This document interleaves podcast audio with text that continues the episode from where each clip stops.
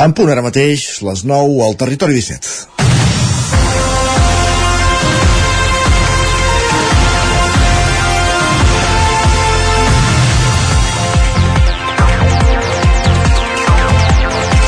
Els Premis Port d'Or són la gran festa de la indústria porcina de l'estat espanyol. Es van lliurar el passat 20 d'octubre a Lleida i un dels triomfadors de la nit va ser el ramader usonenc Joaquim Rovira, responsable de la granja Solallong de Sora.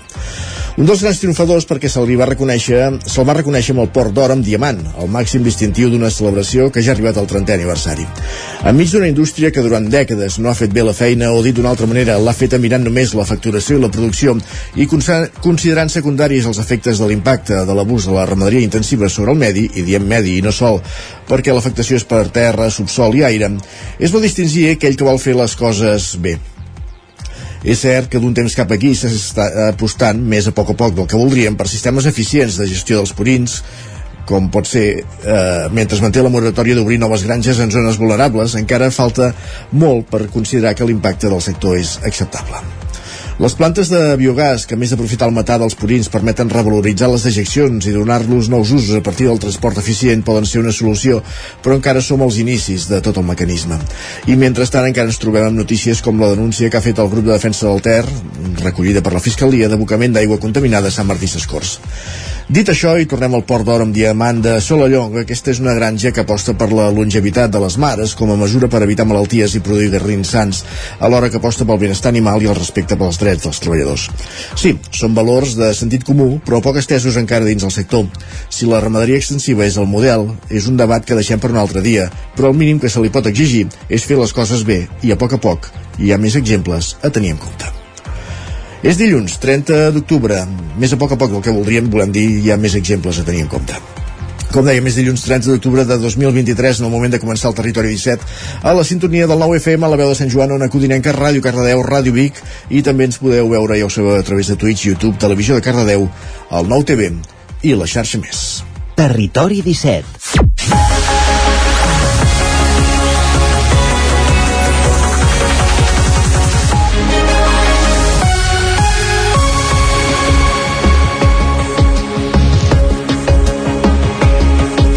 En marxa el territori 17, ara quan passen dos minuts i mig de les 9 del matí, el magazín de les comarques del Vallès Oriental, l'Osona, el Ripollès, el Moianès i el Lluçanès, que us farà companyia, que, que us fa companyia cada matí durant dues hores entre les 9 i les 11. I avui amb quins continguts, de quina manera? Doncs mira, en aquesta primera mitja hora el que farem serà aprofundir en les notícies més destacades de les nostres comarques en connexió amb les diferents emissores del territori 17 també farem un cop d'ull al temps, diu que avui passa un petit front que pot deixar una mica d'aigua, no veiem en Pep Acosta el nostre mal temps molt optimista, parlarem amb ell passat un quart de deu del matí. I acte seguit anirem fins al quiosc amb en Sergi Vives per repassar les portades dels diaris del dia d'avui. 30 d'octubre de 2023 dilluns a les portes de la Castanyada.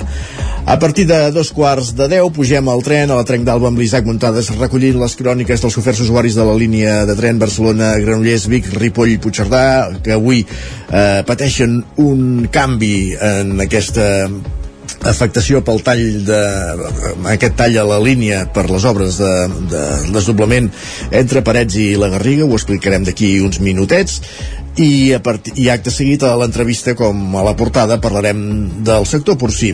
Parlarem amb Joaquim Rovira titular de l'explotació Solallong de Sora guanyadora del Port d'Or amb Diamant en la darrera edició dels Premis Porc d'Or. Serà a partir de dos quarts de 10 del matí i acte seguit a la connexió.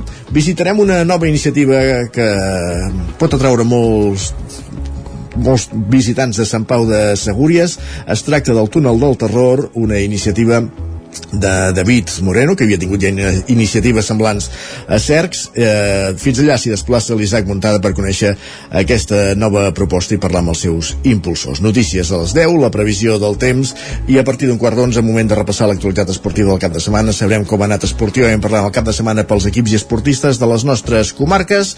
A dos quarts d'onze ens endinsem a Twitter, a X, en companyia d'en Guillem Sánchez, per repassar les piolades més destacades del cap de setmana. Segurament encara ressò sona el derbi, no, el derbi no, el clàssic de futbol entre el Barça i el Madrid, Barça 1, Madrid 2, amb aquest gol eh, tram final de, del partit, amb, amb dos gols de, del jugador estrella del moment a, a, a Madrid i que va decantar el clàssic de la banda madridista. En parlarem també a la darrera part del programa, la tertúlia esportiva, on representem altres marcadors com el Girona 1, Celta 0 o el Sporting 2, Espanyol 0. 5 minuts que passen de les 9 del matí, moment de posar-nos a caminar amb les notícies més destacades del territori 17 en connexió amb les diferents emissores que dia dia fan possible aquest programa, les notícies del Vallès Oriental, Osona, el Ripollès, el Moianès i el Lluçanès. Territori 17.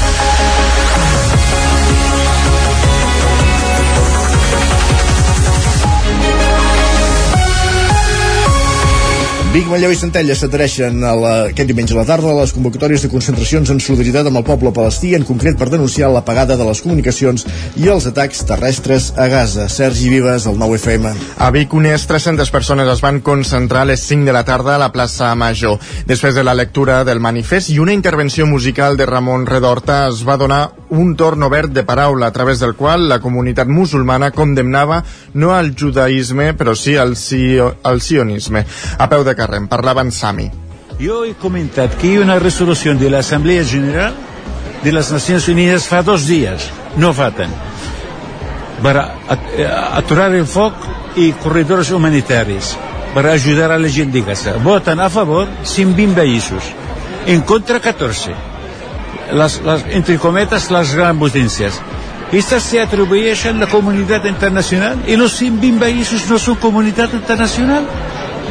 Es que, eh, ¿dónde se entiende eso? Es la ley del más fuerte, es de la selva. Porque Israel, si no tingués el sobor d'aquesta comunitat internacional que dius tu, no s'atreviria a fer això. En els darrers dies també hi ha hagut concentracions a Torelló i Centelles. El testimoni que escoltàvem, el d'en Sami, és el d'un metge biguetà, metge pediatre d'origen palestí. Més qüestions, ho dèiem ara fa uns moments, el servei alternatiu de la línia R3, que recordem està en obres pel seu desdoblament, eh, pateix modificacions a partir d'aquesta setmana, Sergi. Els canvis tenen a veure amb que les actuacions que executa Adif permeten recuperar el trànsit ferroviari entre Parets i Mollet, de manera que ara el servei de tren estarà interromput entre Parets i la Gàrriga. Així hi haurà trens entre l'Hospitalet i Parets cada 30 minuts cada dia. També s'amplia el servei entre Vic i Ripoll uns 60 minuts per garantir els últims transbordaments. Pel que fa al servei alternatiu per carretera, hi haurà autobusos directes des de les 5 del matí fins a 3 quarts d'una de la nit cada mitja hora entre Parets i Centelles i a la inversa.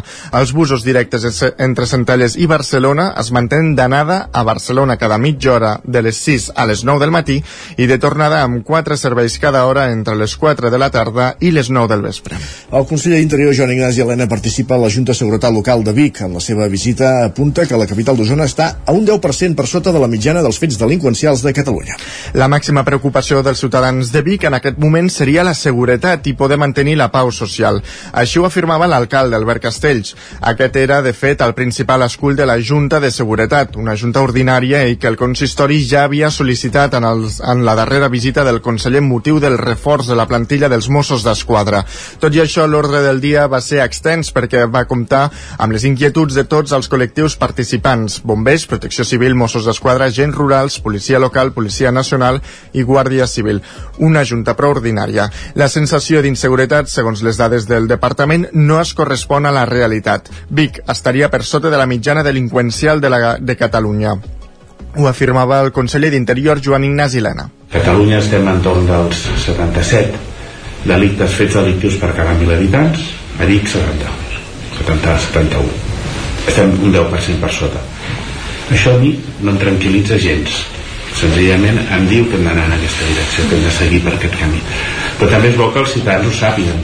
Tenim més policia local, tenim més Mossos, tindrem més policia local, tindrem més Mossos, tenim unes dades que ens acompanyen, des del consistori també aprofitaven per reclamar al conseller un reforç de les plantilles i dels mitjans eh, materials. Ho deia l'alcalde Albert Castells. Més enllà de, del reforç de les plantilles i dels mitjans materials, que nosaltres també com a Ajuntament estem compromesos amb el reforç de la plantilla de Guàrdia Urbana, estem en ple debat de, de pressupostos, serà un tema interessant també de, del pressupost de l'Ajuntament de Vic i sobretot, una cosa que hem demanat a la conselleria, ens costa que el conseller hi està treballant, és en els canvis normatius. Eh? Això crec que també és una demanda de la societat però sobretot una demanda dels cossos policials eh, cal que la justícia millori per poder fer front eh, als reptes que tenim un d'aquests eh, reforç podria passar per una segona comissaria dels Mossos a la comarca, una situació però que de moment està sobre la taula però sense resposta. Per altra banda, el conseller d'Interior qualificava la baralla amb arma blanca que va tenir lloc a la ciutat a principis de mes com a puntual i diu que en cap cas representa la situació de Vic. Més qüestions, gràcies Sergi l'Ajuntament de Sant Feliu de Codines haurà de pagar 20.000 euros pel manteniment dels gossos que va comissar la Guàrdia Civil Roger Ram, zona codinenca. Exacte, ho recordaran, els ho explicàvem de fet fa unes setmanes, una operació liderada pel CEPRONA de la Guàrdia Civil va permetre rescatar un total de 58 gossos, la majoria cadells i femelles, d'una finca de Sant Feliu de Codines a mitjans de setembre. Aquests formaven part d'una xarxa internacional que traficava amb animals i l'operació policial, en la que també hi van intervenir els Mossos d'Esquadra, va acabar amb 18 detinguts i entrades a 11 municipis diferents de tot l'Estat i d'Andorra que van permetre confiscar fins a 400 animals.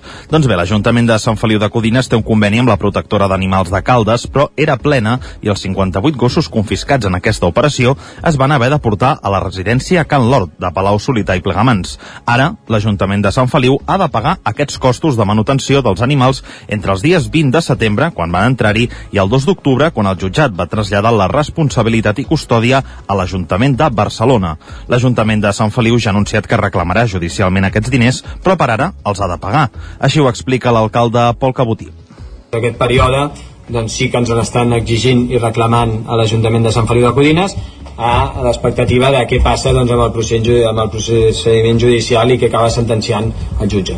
En cas que acabi sentenciant doncs, que efectivament doncs, era eh, l'activitat doncs, era il·legal, doncs l'Ajuntament evidentment iniciarem la, reclamarem doncs, a, a aquests diners, però que ara mateix doncs, doncs, ens han exigit doncs, que fem el pagament. Són 20.000 euros per un període de 3 setmanes per 58 cadells. La investigació policial, que va culminar el passat 28 de setembre, ha durat fins a 3 anys i ha permès, segons apunta la Guàrdia Civil, desarticular una organització que es dedicava a criar cadells en pèssimes condicions per després vendre'ls a botigues d'animals amb documentació falsa. Els animals rescatats s'han posat ara en adopció. Gràcies, Roger. En un altre punt del Vallès Oriental, des del 25 d'octubre, la taula de coeducació municipal de Cardedeu s'està reunint un dimecres al mes en sessions d'una hora i mitja. Enric Rubio, Ràdio Televisió Cardedeu. Així és, Isaac. La taula de coeducació municipal, que és l'espai on es decideixen i coordinen accions i campanyes per impulsar la coeducació al municipi de forma transversal, ha reprès l'activitat d'aquest octubre. Estarà activa a partir d'un dimecres al mes de 6 a 2 quarts de 8 del vespre durant els mesos escolars. Compta amb una persona dinamitzadora que acompanya les reunions i és l'encarregada d'executar les propostes que sorgeixin de la taula. L'inici, com dèiem, ha estat aquest 25 d'octubre i significa l'espai de trobada i coordinació de tots els agents del municipi que tenen implicació en l'educació dels infants i joves per tal d'impulsar una estratègia de coeducació. És des d'on es detecten les necessitats en relació a la coeducació i a la igualtat de gènere i des d'on es decideixen i coordinen les accions i campanyes de forma transversal. L'Ajuntament ha posat a disposició de les biletanes el correu igualtat arroba perquè qui vulgui participar o rebre més informació s'hi pugui adreçar a través d'ell. Més qüestions, gràcies Enric. El Ripollès, l'Ajuntament de Can de Bànol atura momentàniament el projecte de la pedrera de la colònia Aran. Isaac Muntades des de la veu de Sant Joan. L'Ajuntament de Can de Bànol ha aconseguit paralitzar el projecte de la pedrera que s'ha d'ubicar entre la colònia Aran i la colònia Pernau. En el ple de dijous passat, el consistori va denegar per unanimitat l'aprovació provisional del Pla Especial Urbanístic del projecte extractiu impulsat per l'empresa Colònia Aran SL. L'alcalde de Sumem, Oriol Lázaro, va enumerar els motius pels quals havien decidit frenar a la Pedrera. El principal és perquè hi ha una denegació del permís de carreteres. Si no tens un permís per poder entrar i sortir de l'activitat, doncs no, no la podem nosaltres aprovar provisionalment i això s'entén perfectament. Però és que a més a més hi havia al·legacions dels veïns, que també alguna ha estat substanciada i incorporada al nostre informe negatiu. Una altra notícia positiva que ens arriba des de la Generalitat és que l'altre vessant, l'altre tràmit que estan fent per poder tirar endavant aquesta activitat, que és la, justament el tràmit de donar d'alta l'activitat, ens comuniquen que també ha estat eh, denegat També hem posat de relleu i hem manifestat a, a, a la Generalitat que ells tenen un projecte, l'empresa va entrar en un projecte que té diferències amb el nostre, amb el que tenim aquí en el consistori. I aquestes diferències poden crear confusions i alhora poden crear informes fins i tot contradictoris. Ara comença el compte enrere perquè l'empresa extractiva arregli les deficiències del projecte i faci al·legacions perquè l'activitat prosperi o quedi encallada definitivament. El grup d'Esquerra Republicana, que el juliol va abstenir-se en una moció del PSC, contrari a la pedrera perquè no havia tingut temps d'estudiar el projecte, es va alegrar que s'aturés, però el seu portaveu, Toni Riera, va demanar-li a l'alcalde que s'estigués amatent perquè encara podien recórrer. Jordi Coc, de gent de pobles, va manifestar en el mateix sentit que els republicans. En cas de tirar endavant, la pedrera ocuparia una parcel·la de més d'11 hectàrees i el període d'extracció seria de 7 anys, comptant la restauració de l'espai. El volum d'excavació previst seria d'uns 560.000 metres cúbics. La superfície on s'actuaria és de 51.000 metres quadrats i la mitjana producció anual rondaria els 80.000 metres cúbics. El primer any els treballs tindrien un cost de 453.000 euros. Gràcies, Isaac. I tornem a Osona, ho dèiem a la portada, la granja Solallong de Sora guanya el màxim guardó dels Premis Port d'Or en la trentena edició d'aquests reconeixements, Sergi. Se li ha otorgat aquesta distinció tenint en compte les dades productives mantingudes, l'equilibri censal, eh, la renovació i l'ampliació de les instal·lacions, el maneig dels animals i l'equip humà de l'explotació liderada per Joaquim Rovira. En l'aposta per la qualitat de Solallong, una de les claus és l'endarreriment del deslletament dels godalls, que no es fa als 28 dies recomanats, sinó als 31 o 32 després del naixement. Ho explica Joaquim Rovira. Més que content. Era una fita i l'hem complerta i tot ha sigut goig i alegria.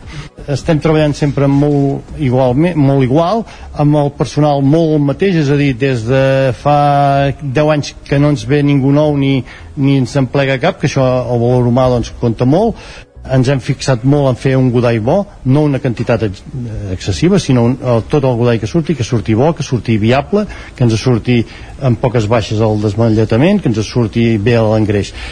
L'any 2000, la granja Solallong va deixar de ser una explotació de cicle tancat per convertir-se en una granja de mares. Actualment hi ha unes 1.050 mares que produeixen uns 36.000 garrins l'any que deixen l'explotació quan pesen 22 quilos. El seu engreix es fa en una xarxa de granges col·laboradores. Solallong també ha fet una aposta clara per la bioseguretat que s'ha incrementat aquest últim any quan el sector ha patit baixes per la malaltia respiratòria de la PRRS. La, a Solallong, en canvi, no n'hi ha hagut, segons Rovira.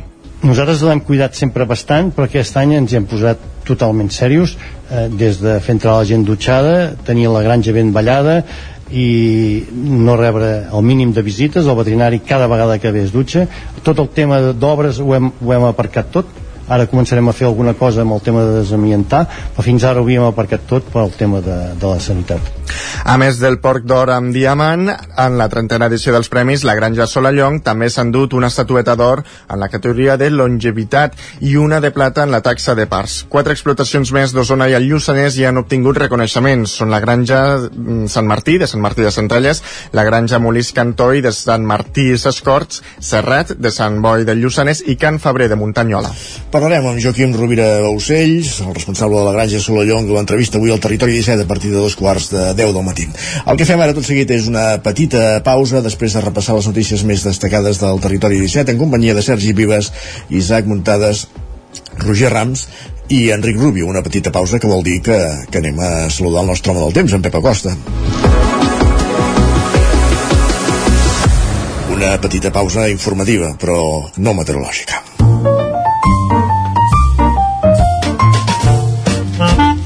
Casa Terradellos us ofereix el temps. Volem saber quin temps farà avui. També repassarem el temps del cap de setmana en companyia d'en Pep Acosta, una codinenca. Benvingut, bon dia, bona setmana, bon dilluns. Hola, molt bon dia. Com estàs?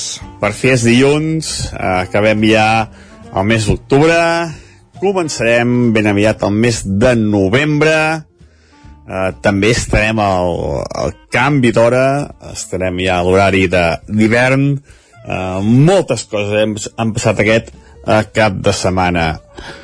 Però pel que fa al temps uh, tampoc han passat masses coses destacades. Uh, continuem amb aquest panorama de fronts atlàntics de fronts que que afecten sobretot a l'oest de la península ibèrica. Està plovent moltíssim per Galícia, per Castella i Lleó, um, Astúries, aquesta zona està eh, plovent molt, molt, molt, molt, moltíssim, però a casa nostra no hi ha manera, no hi ha manera. La zona més a prop on plou molt és cap al Pirineu d'Osca, cap al Pirineu francès, allà sí que les precipitacions són molt destacades, eh, moltíssim, les, els rius estan eh, creixent moltíssim, però a casa nostra aquests fronts atlàntics arriben molt, molt descafeinats. Avui, eh, de fet, ens arriba un alta, mm, però és que està eh, totalment desgastat, eh, només deixarà una mica de precipitació destacable eh, cap a la zona del Pirineu de Lleida, a les comarques eh, es pot deixar escapar alguna petita precipitació, però molt, molt poca cosa. Serà un dia eh, una mica tapat avui, bastant tapat, eh, molts núvols, però com torno a repetir, ben poca eh, precipitació. Les temperatures eh, aquesta nit han estat eh, una mica baixes, eh, han baixat, mínimes per sota dels 10 graus cap al Pirineu, entre 10 i 15 graus cap a l'interior, només els jocs més càlids al prelitoral per sobre els 15 graus, però molts pocs jocs han sobrepassat els 15 graus. Eh, moltes, moltes temperatures per sota d'aquests eh, 15 graus. Eh, de cara a la tarda, eh, també eh, forces núvols, més puja cap a zona del Pirineu Oriental, a casa nostra més puja en aquella zona, però només es, es poden superar els 5-10 litres cap a aquesta zona, eh, cap al Pirineu Oriental. A les altres zones eh, ben, eh, ben poca cosa si és que arriba a ploure, que ja, que ja veureu, que ja ho veurem. I les temperatures màximes, um, la majoria entre els 15 i els 20 graus. Avui farà una mica més de fresqueta, que no passa cap de setmana, serà un ambient més fresc, més adient per l'època de l'any.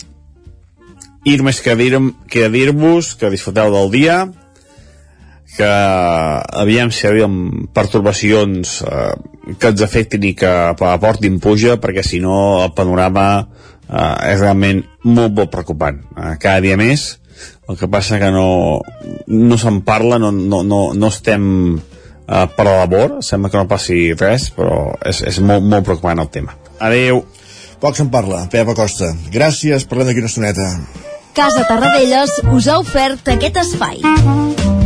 I del cel del temps cap al quiosc.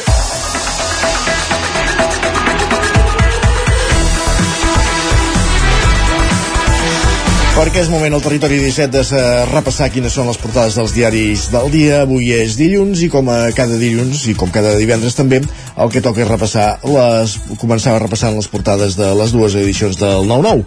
Comencem, Sergi, per la d'Osona i el Ripollès. Així és, eh, ens diuen que el nombre de testaments vitals a Osona s'ha multiplicat per 4 en només 3 anys. Expliquen que l'aprovació de la llei de l'eutanàsia ha catapultat la demanda del document de voluntats anticipades. També eh, destaquen que Viladrau eh, s'omple per, la vi, per la Fira de la Castanya. Eh, diuen que tot i que la collita no ha estat tan bona com altres anys per les elevades temperatures, la Fira va tornar a ser tot un èxit. Doncs vinga, toca comprar castanyes i demà torrar-les i menjar-se-les. Així és. Més portades. Anem a la del 9-9 del Vallès Oriental. Ens diuen que la coordinació policial i les càmeres redueixen un 28% els robatoris a l'àrea de Caldes. Diuen que Mossos i 8 policies locals tornen a activar el dispositiu conjunt. Per altra banda, expliquen que la Festa del Glaç es consolida. Diuen que unes 4.000 persones han assistit durant el cap de setmana a la dotzena edició de la Festa de l'Issà de Vall, que reprodueix l'època en què el poble es feia i es comercialitzava gel. Perfectíssim, anem a repassar les portades que s'editen a Barcelona. El punt avui diu que el món rural es fa sentir. Expliquen que el Parlament posa en marxa la nova comissió de seguiment de l'agència rural. Diuen que com complementarà la governança engegada pel govern i entitats i facilitarà el control sobre l'àmbit. Diuen que la iniciativa prové d'una proposta conjunta d'Esquerra, Junts, el PSC, la CUP i en Comú Podem. I a la portada del punt avui també veiem un clar protagonista que és Baltònic, que ha tornat, eh, bueno, és el raper de Mallorca, que ha tornat de nou a casa després de 5 anys a l'exili. Després de mig any d'adonar-se que havien prescrit els delictes que, que havia comès. I tornava dissabte, diumenge arribava a casa, a Mallorca. El periòdico diu que alcaldes de l'àrea de Barcelona insten a revisar el finançament. Expliquen que els consistoris metropolitans reclamen un altre model d'ingressos municipals. Diuen que la pèrdua de guanys per la plusvàlua i l'augment de l'IPC els obliguen a pujar impostos. La Vanguardia diu que els municipis catalans aproven fortes pujades d'impostos. Expliquen que els ajuntaments aleguen l'increment de les despeses per aplicar augments de fins al 15% en l'IBI i fins un 50% en la taxa d'escombraries. I l'ara destaca que soldats israelians i milicians de Hamas ja lluiten dins de Gaza. Diuen que Tel Aviv confirma els xocs sobre el terreny i demana a la població civil que evacui al nord de la franja. Expliquen que l'empitjorament de la situació humanitària provoca assalts als magatzems d'aliments de l'ONU. I anem a repassar premsa espanyola. El país diu que Israel envia més tropes a Gaza després d'una dura ofensiva aèria. Expliquen que l'exèrcit israelí anuncia que ha atacat més de 450 objectius militars de Hamas en un dia i reforça l'entrada d'infanteria i carros de combat. Per altra banda, destaquen la mort de Matthew Perry, el mític Chandler Bing. De Friends. Expliquen que el cos de l'actor, conegut pel seu paper de Friends, va ser trobat a la seva casa de Los Angeles. L'ABC destaca la resposta massiva contra l'amnistia. Expliquen que més de 100.000 persones a Madrid i Màlaga exigeixen a Sánchez que no cedeixi a les exigències independentistes. El Mundo diu que el 70% de la població recolza el jurament de Leonor i pel 64% la seva figura millora la imatge de la corona explica que l'enquesta de Sigma 2 constata el seu ampli recolzament social també entre els votants socialistes. I acabem amb la raó que diu que els socis marquen el 8N com una data per la investidura de Sánchez. Expliquen que la llei d'amnistia està redactada i la Moncloa se centra en la negociació amb el PNB i Esquerra. Doncs veurem com acaben aquestes negociacions, si, si hi ha investidura o no. Repassem ara ràpidament els digitals a l'edició del 99.cat d'Osona i el Ripollès. Doncs ens diuen que l'Esquirol comença les obres d'urbanització de la zona esportiva.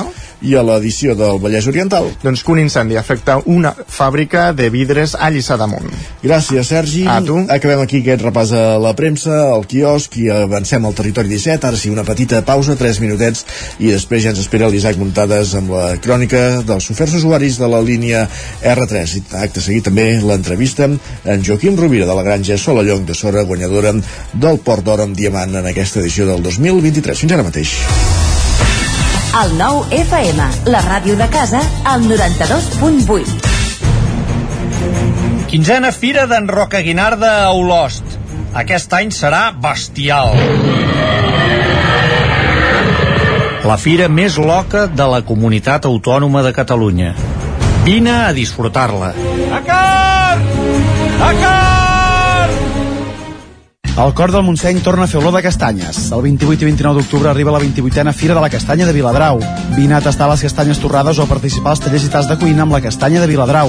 També podràs conèixer productes de quilòmetre zero elaborats a Viladrau o participar a les sortides guiades pels voltants del poble. Tot animat amb espectacles familiars i música pels carrers. El 28 i 29 d'octubre torna a la Fira de la Castanya de Viladrau. T'hi esperem. Quan tingui un problema amb la seva caldera, vagi directament a la solució. Truqui sempre al servei tècnic oficial de Saunier Duval i despreocupis, perquè som fabricants i coneixem les nostres calderes peça a peça. I ara aconseguiu fins a 300 euros en canviar la caldera. Informeu-vos al 910 77 10 50 o a saunierduval.es. Amb Pradell estalvio energia i cuido la meva butxaca i el medi ambient.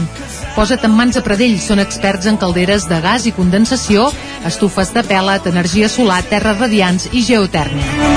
Pradell instal·la calderes de biomassa per a particulars i per a empreses. Si vols estalviar un 50% en consum, contacta amb Pradell i passa't a les energies renovables.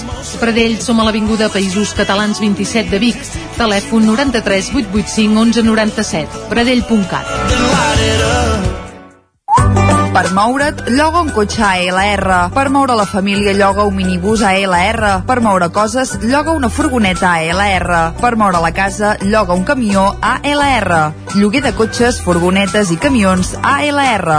Ens trobaràs al carrer Francesc Sant Climent 83 de Vic i també a Olot i Manresa. Informa't en el 93 888 60 57 o bé consulta el web alr.cat. La qualitat de les teves impressions és important per tu? Estàs cansat que els colors i les imatges no surtin com t'esperes? A Impremta Mater disposem de la tecnologia més avançada i els millors professionals per aconseguir impressions d'alta qualitat. Fem tota classe d'impresos amb acabats professionals. Llibres, catàlegs, revistes, tesis, calendaris, enquadernacions... I a més, disposem del servei d'impressió digital en gran format. Roll-ups, lones, pòsters i molt més. Impremta Mater. Ens trobaràs a la carretera de Sant Hipòlit 23 de Vic o impremtamater.com. Cada dimarts a les 11 de la nit, al 9 FM, repàs de l'actualitat esportiva a la banqueta. El 9 FM, el 9 FM, el 9 FM, el 9 FM, el 9 FM. Territori 17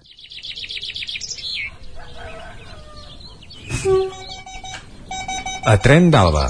Cada dia els usuaris i usuàries de la línia R3 de Rodalies que veuen sortir el sol des d'un vagó ens expliquen les gràcies i les penes del primer comboi que uneix Ripoll i Barcelona o les feixugues jornades amb el tren després de treballar.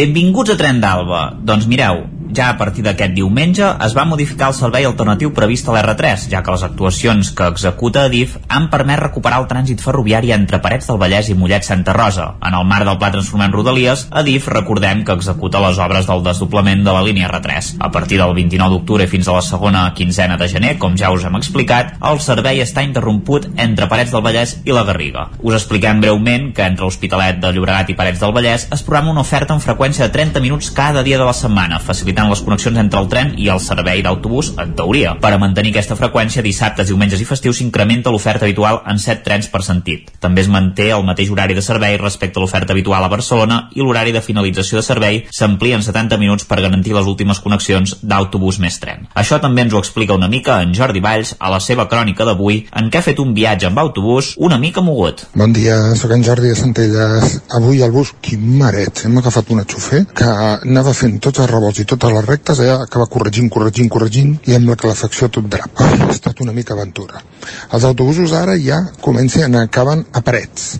Això vol dir que el recorregut serà més curt i a veure si hi ha sort amb el tema dels enllaços, sobretot per la gent que va de Vic en amunt, que és una mica desastre, la Tour de Carol i Ripoll. Perquè com els trens no esperen els autobusos, doncs imagineu-vos esperar 3 hores a Centelles, que tenim un poble molt ben parit, però ostres, si vas amb pressa ja està bé. No sé, a l'estació de Parets és el primer tram que ja té la distribució i la forma definitiva del que seria les vies desdoblades. Vies noves, senyals nous, tot nou. I ho han acabat a temps i ahir va començar el servei. Així que, vinga, molts ànims, que és dilluns. Hosti, que fa pujada això. Adéu-siau. Carai, una conductora kamikaze i que tenia fred pel que sembla. A vegades s'agraeix la calefacció, però el que sí que al tren a vegades això de la calefacció era un problema, sobretot si seies al costat de les portes. Cada cop que s'obrien entrava un aire fresc. Va, ens retrobem demà amb més històries del tren i de l'R3.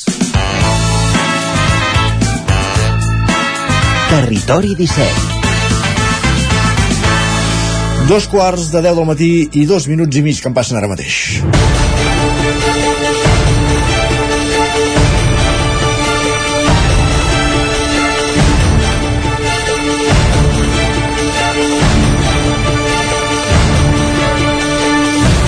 Ho explicàvem fa uns minuts a l'informatiu, la granja Solallonc de Sora, Osona, guanya el màxim guardó dels Premis Port d'Or en la trentena edició d'aquests reconeixements. Estem parlant del Premi Port d'Or amb diamant. De fet, aquesta granja feia, era el tercer any consecutiu que era nominada a aquesta categoria, el principal guardó, però fins a aquest 2023 eh, no, no ha arribat el moment de, del premi de, de, que se li lliuri, com dèiem, aquest Port d'Or amb diamant a la granja Solallong que mena en Joaquim Rovira Baucells que tenim a l'altra banda del fil telefònic bon dia Joaquim Hola, molt bon dia. Bon dia i enhorabona per aquest Port d'Or amb diamant Uh, moltes gràcies.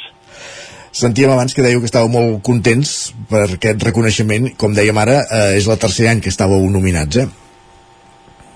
Sí, eh, ja, ja ens posava una mica, no sé, com dels nervis, pensant que sí, no, no passaríem de nominat, i al final doncs, la tercera ha anat a la vençuda i estem molt, molt contents. Uh -huh.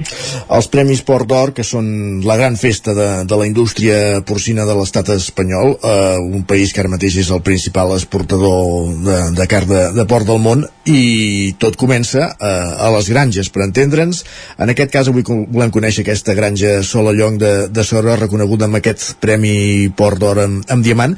Però no és l'únic premi que, que vau obtenir en aquesta uh, edició de, dels premis i no és el primer que obteniu perquè ja porteu molts anys recollint guardons en la vostra categoria que és la de entre 1.000 i 2.000 mares uh, bueno. quin és el secret de, de, de, uh, de la feina sí, feta? Estem, estem, estem a la categoria entre 1.000 i 2.000 mares, com has dit, uh -huh. però uh, uh, estem a la banda baixa, és a dir, uh, tenim com uh, 1.040, 1.050 truges en producció, uh, fem uns 36.000 garrins. Uh, endavant és pel secret. Uh, la constància, perquè després de 3 anys seguits de, nominat pel Port de Diamant, doncs uh, ha set la constància. Tenim un equip humà que molt motivat, eh, per sort tenim sempre bastant els mateixos treballadors i cuidem molt i més que molt tant la bioseguretat com la sanitat. Uh -huh. uh, ara parlàvem de, de, de la qualitat uh, hi ha tre, uh, es, es premien tres categories al Port d'Or una és la, la, longe, sí. la, la longevitat és a dir, la vida de les mares uh, en producció l'altra també és la, la, la taxa de parts? La taxa de parts, és a dir, els parts que té cada mare. Aquí, en aquestes dues categories, és on la granja Solonyó obté premis, i hi ha un tercer apartat que és el de la productivitat, que entenem que és el, tenir el màxim de garrins per, per part o, o, o per mare, que aquí és on vosaltres eh, quedeu més lluny. Estem més furtos. Eh, és a dir, el, vosaltres produir molts garrins o, o ser els primers amb això no us treu la son d'entrada?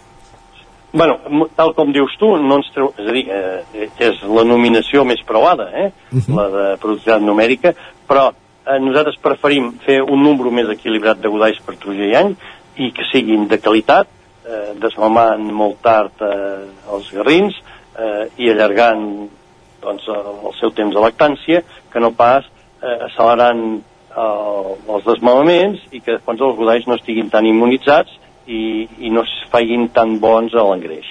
I això... Per tant, eh, arrel d'això també hem, hem, tirem molt de longevitat de, de les truges, és a dir, les aguantem molt, això, això ens fa que tinguem una bona fertilitat, que és el que en diem tasca de pas, i amb aquestes dues eh, nominacions sempre hi som, eh? tant la longevitat com la fertilitat. Amb, amb la producció numèrica, si tens si desmames molt tard, tens menys godalls. Si tens menys godalls, per tant, no hi ets però sí que tens godalls més sants i això en un any en què venim que hi ha hagut moltes baixes a, a les granges, sobretot per aquesta malaltia respiratòria, la PIRS, la Rosalia, també coneguda popularment dins, dins el sector, eh, vosaltres podeu presumir que, mm, si més no, toquem fusta, fins ara no us ha entrat aquesta malaltia a la granja. Bueno, amb això toquem fusta, eh? eh, eh, no sé, alguna mare de Déu ens ha ajudat en aquest cas, perquè eh, ens hem esforçat amb, amb, amb les cargues d'animals, amb, amb el ballat de la granja, amb deixar entrar gent, generalment els, els treballadors de, de cabana d'altres granges, com de, de paletes, de manteniment, això ho hem vigilat molt, molt, molt, i crucem els dits, de moment les enfermetats les hem salvat. Eh, el desmamar més tard tens més immunitat i en cas de que tinguis enfermetats eh, les pots passar a algú més lleus.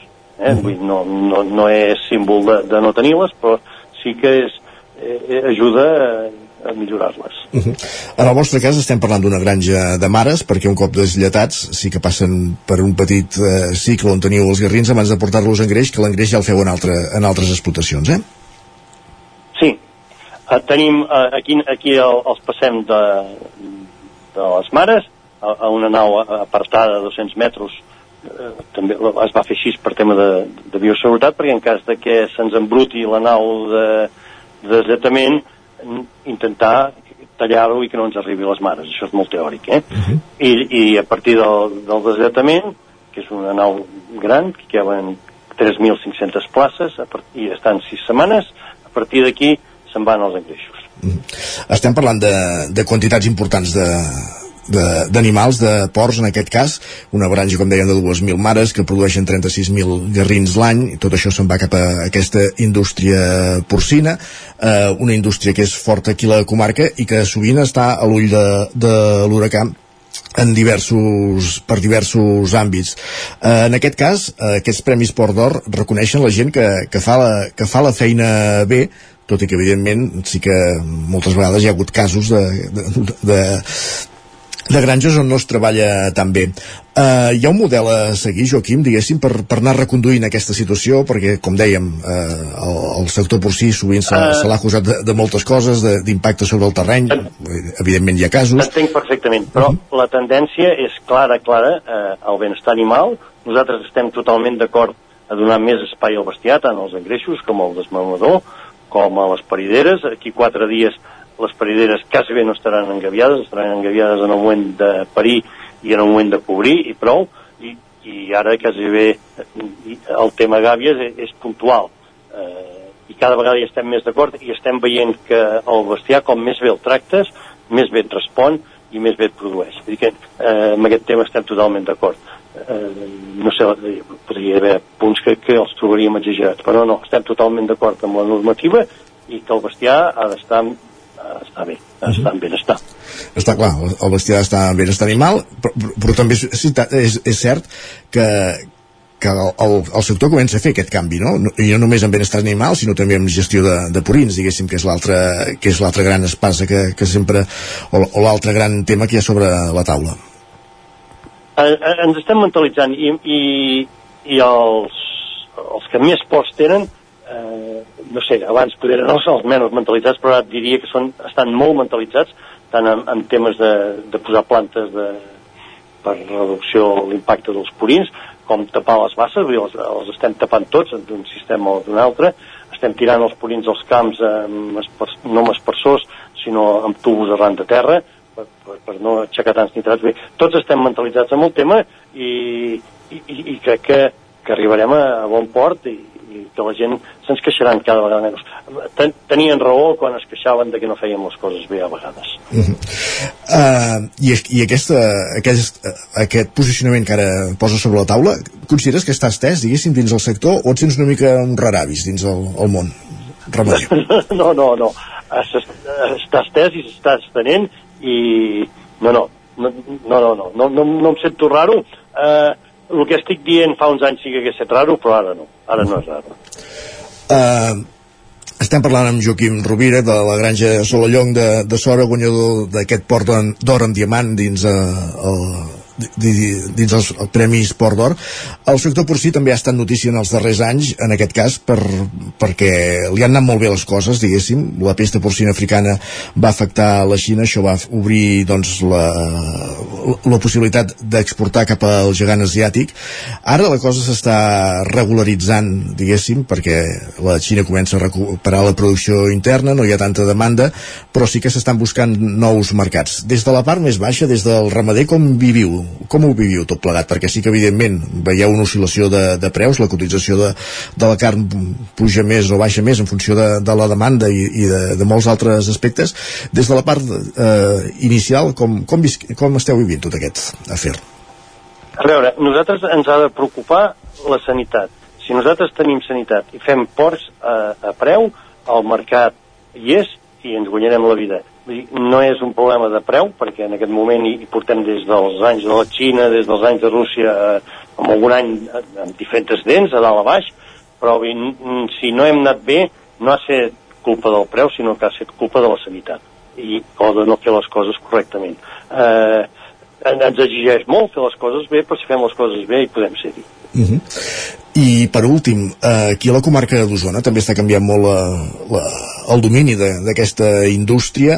Cada cop queden menys empreses eh, del sector porcí de capital osonenc. Eh, les fortes són a, a l'Aragó o a Lleida, si parlem del grup Vall Companys. De l'Aragó parlaríem de Jorge i Costa, i totes tres ja tenen presència a la comarca d'Osona. Això genera inquietud? Això, més que tot, a mi em genera eh, disgust o no sabria quin nom, disgust, eh, perquè a mi m'agradaria que els ports fossin dels ramaders, amb granges nor normals de mida, no, no amb aquestes quantitats estratosfèriques, i, i per això va de més, i va així. No, eh, hem perdut el tren amb això, desgraciadament. I, hem, i, i amb el tema ramader eh, n'hi ha, ha pocs de joves amb, amb suficients ganes i, i aquests grans en saben molt eh, i ens estan, ens, ens estan prenent o s'estan prenent el puesto no ens l'estan prenent, eh? s'estan s'estan guanyant el terreny. Uh -huh. I el cas és que no deixarem de veure granges de porcs a la comarca, sinó que deixarem de veure la, la, eh, el que canviarà és la propietat d'aquestes granges. Sí, sí, i, i, aquí la, i aquí la comarca és més significatiu el, la segona fase, des d'excursionadors i elaboradors, que no pas de...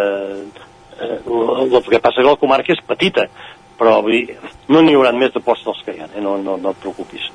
Hi ha aquests i no n'augmentarem no més, ni, ni és necessari. Eh? Uh -huh. La llàstima és que caiguin a mans de, de gent de fora i que no ens hi puguem guanyar la vida o no sapiguem guanyar-nos la vida els, els, els de la zona. Uh -huh. I, eh, però això, eh, eh, per exemple, a l'Aragó, ja, ja, ja és la tònica més que general. La major part són grans granges, d'aquests tres que has nombrat tu, que jo no els vull nombrar, però de fet, i, i de fet no és només Aragó la, només cal mirar el rànquing dels Premis Port d'Or i sí. veus la titularitat de les granges de qualsevol sí, sí. racó de la península ibèrica estava... i, són, i són d'aquests tres integradors, per entendre'ns, eh? Sí, sí, sí, és tot raó. Però jo estava amb els Premis d'Or al costat de d'una veterinària gallega i a, Gallés, a Galícia encara poder no, no, no, ha arribat aquesta eufòria tan gran de, de, dels grans integradors. Molt.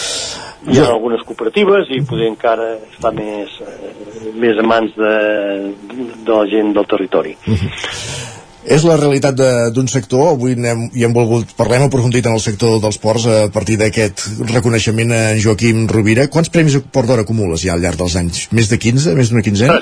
Aquesta, no, no m'he preparat cap pregunta, però aquesta tampoc l'he preparat 25, posem, va. 25, però, però no t'ho dic així és de, de nord, eh? No, però ja pot ser, ja pot ser. Aquest any han sigut tres i un d'ells el, el més preuat, el Port d'Or amb Diamant. Hem volgut parlar, hem volgut parlar de la situació del sector porcí, hem volgut conèixer aquest projecte de la Granja Solallong de, de Sora. Joaquim, moltíssimes gràcies i continuar treballant i fent la feina ben feta. Molt bé, bon dia. Bon dia. Nosaltres avancem al territori 17 i ens n'anem de seguida cap a Sant Pau de Segúries.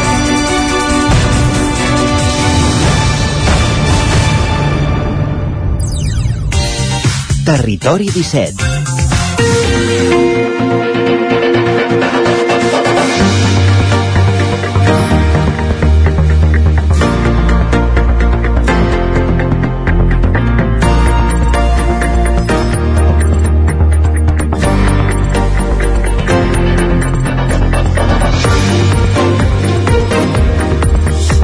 cada dia ens agrada el territori 17 sortir també a l'exterior i, i avui ho fem anant fins a Sant Pau de Segúries, al Ripollès, fins allà s'hi ha, ha desplaçat l'Isaac Muntades de la veu de Sant Joan. Isaac, on ets avui i amb qui? Bon dia.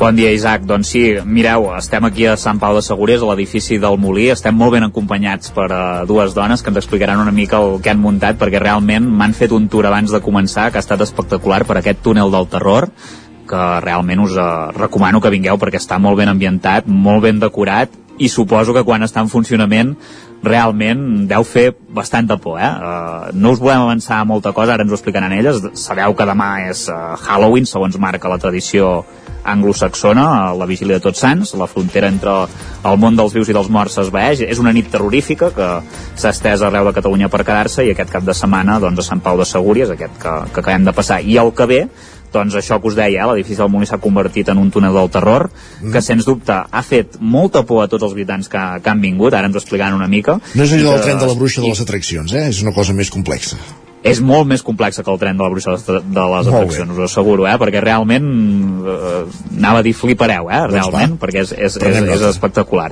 Uh, mira, avui en parlem amb la Carme Jiménez i la Ruth Soler, que en són les seves organitzadores, perquè ens expliqui doncs, com ha anat aquest cap de setmana i què esperen per al, per al vinent. Bon, uh, bon dia a totes dues i moltes gràcies per ser al Territori 17 amb nosaltres. Bon, bon dia. dia. Uh, en primer lloc, el túnel del terror, això que us deia, ja el va obrir tant aquest dissabte que, com aquest divendres al vespre. No sé com va anar, si va venir molta gent, i quin era sobretot el perfil de, de públic que, que va venir. Bueno, eh, va anar molt bé, eh, vam tenir unes 150 persones. Bueno, el perfil és una mica, en general, per tothom. A partir de 10 anys, eh, tothom. Sí que és veritat que ve molt més jovent que gent gran, però bueno, està obert a tothom. Uh, anem per l'inici de- d'aquesta activitat, perquè no sé quan es va fer per primer cop i per què es va decidir fer. Sempre s'ha fet aquí, aquí al Molí? El que és el túnel del terror eh, sempre s'ha fet aquí al Molí perquè bueno, és un espai que dona molt de joc i bueno, podem valga la redundància, o sigui, jugar amb l'espai i poder oferir al, al públic diferents estàncies i depenent de la temàtica d'aquell de l'any que triem. Uh, el túnel del terror en si va començar en una festa major d'aquí a Sant Pau eh, com una prova d'una gincana nocturna que fem i vam fer un escape room. A partir de llavors vam decidir ampliar això de la idea d'escape room i vam fer el 2019, va ser el primer túnel del terror que es va fer aquí al Molí. Evidentment era el primer, era molt bàsic, i ara amb els quatre anys que portem ja fent aquesta temàtica i aquí al Molí doncs hem anat perfeccionant, hem fet diferents temàtiques i bueno, la gent eh, ha respost molt bé a aquesta activitat que fem i bueno, eh, res més, això. Abans que els diguis al- alguna cosa, Isaac, que ara ho comentaves, uh -huh. uh, l'espai és enorme, eh? Vull dir que això sí que us ho vull dir, eh? és enorme, eh? Vull dir que això dona moltes possibilitats per, uh, per d'això en sis, eh? per fer moltes coses. Bueno, cada any canviem. Vull dir, tu l'has vist d'una manera, l'any passat era d'una altra, eh, un any s'entra per una banda, un altre any s'entra per una altra, per poder despistar una mica la gent que venen cada any. Uh -huh. Uh, I és per totes les edats aquesta activitat, perquè abans em comentaves això, eh? a partir de 10 anys, no sé si teniu algunes recomanacions abans de- d'entrar de, i quin és el cost de, de l'entrada, perquè sí que parlàvem que potser no és per tothom i, i que de, depèn quines edats hi entrin, passen més ràpid o més lent, eh? Mira, l'edat mínima d'entrada són 10 anys.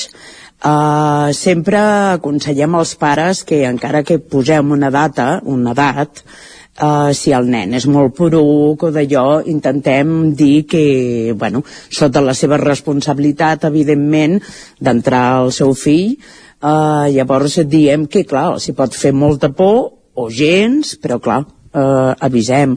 Avisem també que els sectors que estan a, a lo que és el túnel mai toquen a la gent, sol fem espans, però no hi ha cap contacte ni res. Sí que és cert també que a vegades eh, ens trobem que hi ha nens petits que passen i es pensen que és una cosa i entren i els tenim que treure o d'allò perquè llavors s'espanten molt però bueno, en general eh, la gent disfruta passa por o no, depèn de, també del públic, però bueno, és, és una mica terrorífic, intentem.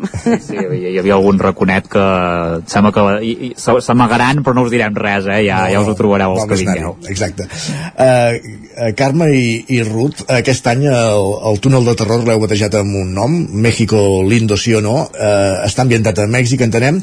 Què té d'especial el Dia dels Morts a Mèxic i no sé si hi ha diferències amb el Halloween, suposo que l'heu ambientat amb aquesta festa. Bueno, sí, sí, sí, està encarat a Mèxic.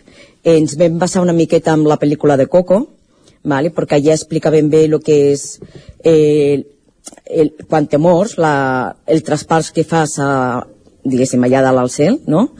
I ells eh, honren molt als morts allà a Mèxic, no? És tot molt colorido, eh, moltes espelmes, molt menjar, vale? i hem intentat encarar una mica pues, eh, a lo que ells viuen allà, que nosaltres aquí no estem acostumats perquè no ens han preparat per això. I, bueno, la diferència, sí, hi ha molta diferència, no, no és un Halloween, eh, que de totes maneres allà eh, es viu d'una manera i aquí és molt comercial. Però, bueno, intentem que s'assembli una miqueta tot, tot junt. Podríem dir, eh, la diferència això és una mica el respecte als morts, que no diguem que no hi sigui en el Halloween, però que a Mèxic és molt més accentuat, eh, fins i tot podríem dir que, que aquí, que, que déu-n'hi-do, eh? Um, què hi trobarem al túnel del terror? No podem fer molts spoilers, això és veritat, però què podem trobar-hi? Uh, és molt llarg, això quanta, quanta estona s'hi està, s'hi està la gent, perquè està basat en Mèxic. Podem dir alguna cosa d'això, eh? Val, sí, com dius tu, no farem spoiler, però evidentment, o sigui, intentem com explicava la Carmen eh, que es noti la diferència del traspàs de lo que quan un cop ja t'has mort passes per una sèrie de, de coses i llavors et trobes amb la ciutat dels morts. La ciutat dels morts ve a ser la mateixa ciutat dels vius però encarat a, a, a, a morts i, i a com ho viuen i molt encarat a, a, als sentiments de Mèxic a, a nivell la mort com la viuen al seu lloc, la seva cantina, la seva església per honrar els morts, però d'una manera més especial, no com Halloween. Evidentment, la fem terrorífica, si no ja no seria un túnel del terror.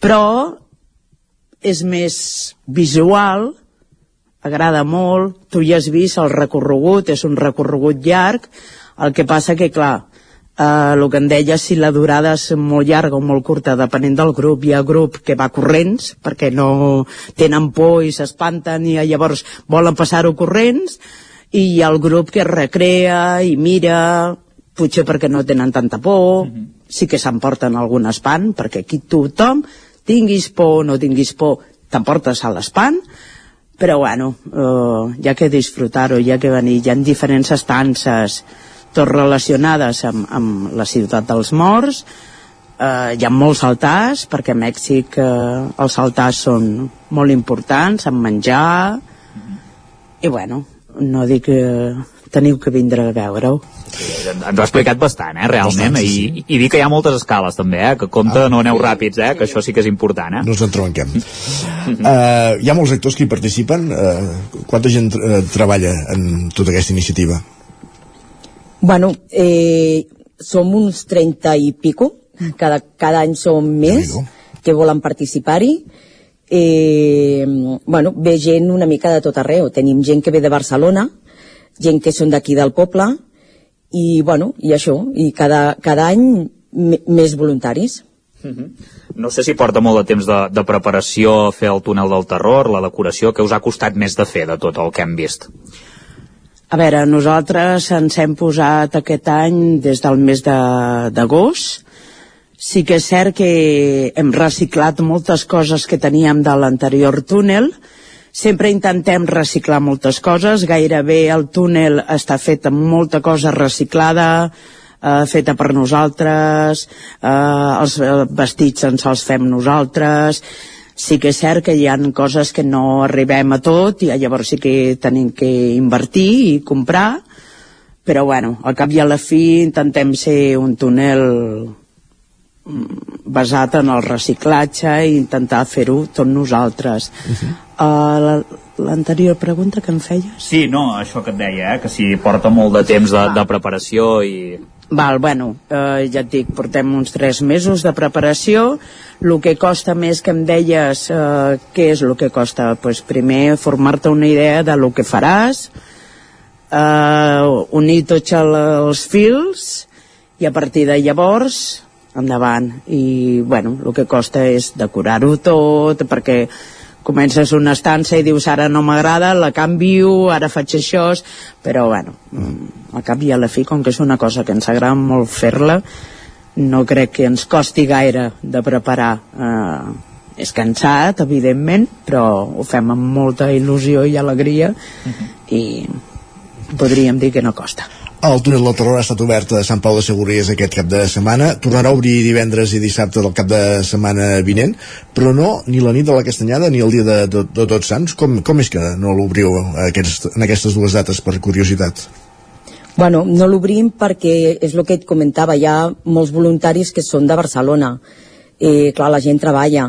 Per això aquest any tampoc hem pogut fer-lo diumenge, normalment és dissabte i diumenge, i, i l'hem tingut que fer divendres perquè clar, la gent diumenge havia de marxar per treballar. I bueno, i no, no el fem per això. Mm -hmm, de fet, a més a més, aquest any tots sants cau entre setmana, que això també suposo que, que ho complica, eh?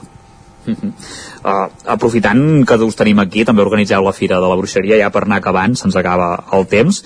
No sé si ja esteu preparant la de l'any vinent i si hi ha alguna novetat que ens podeu explicar Sí, ara ja ens hi ficarem, o sigui, quan acabi aquest cap de setmana a la quarta edició de, del túnel del terror ja tornem a ficar-nos amb la Fira de la Bruixeria. Eh, sí que pot haver-hi alguna novetat no direm gaire cosa tampoc perquè encara no tenim eh, res definit però bueno, eh, esperem que sí que puguem donar altres tipus espectacle o tipus conferències, no ho sabem ben bé, però bueno, ja estem ficant fil a l'agulla per la propera edició de la Fira de la Bruixeria d'enguany. Que serà el juny de l'any vinent, eh, en principi? Juliol. Juliol. Juliol, eh? Sí, sí. Juliol. Ho diguem bé.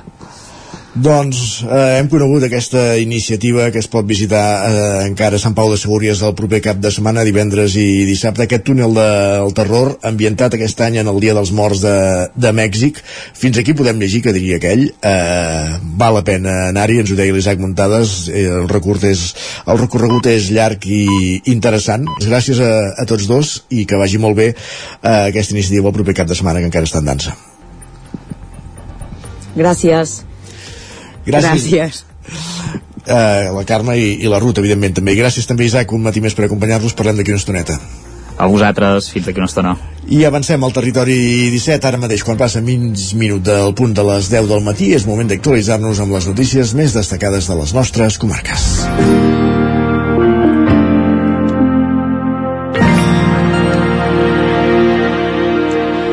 Pràcticament és un al minut que passa de les 10 del matí, som al territori 17. Territori 17.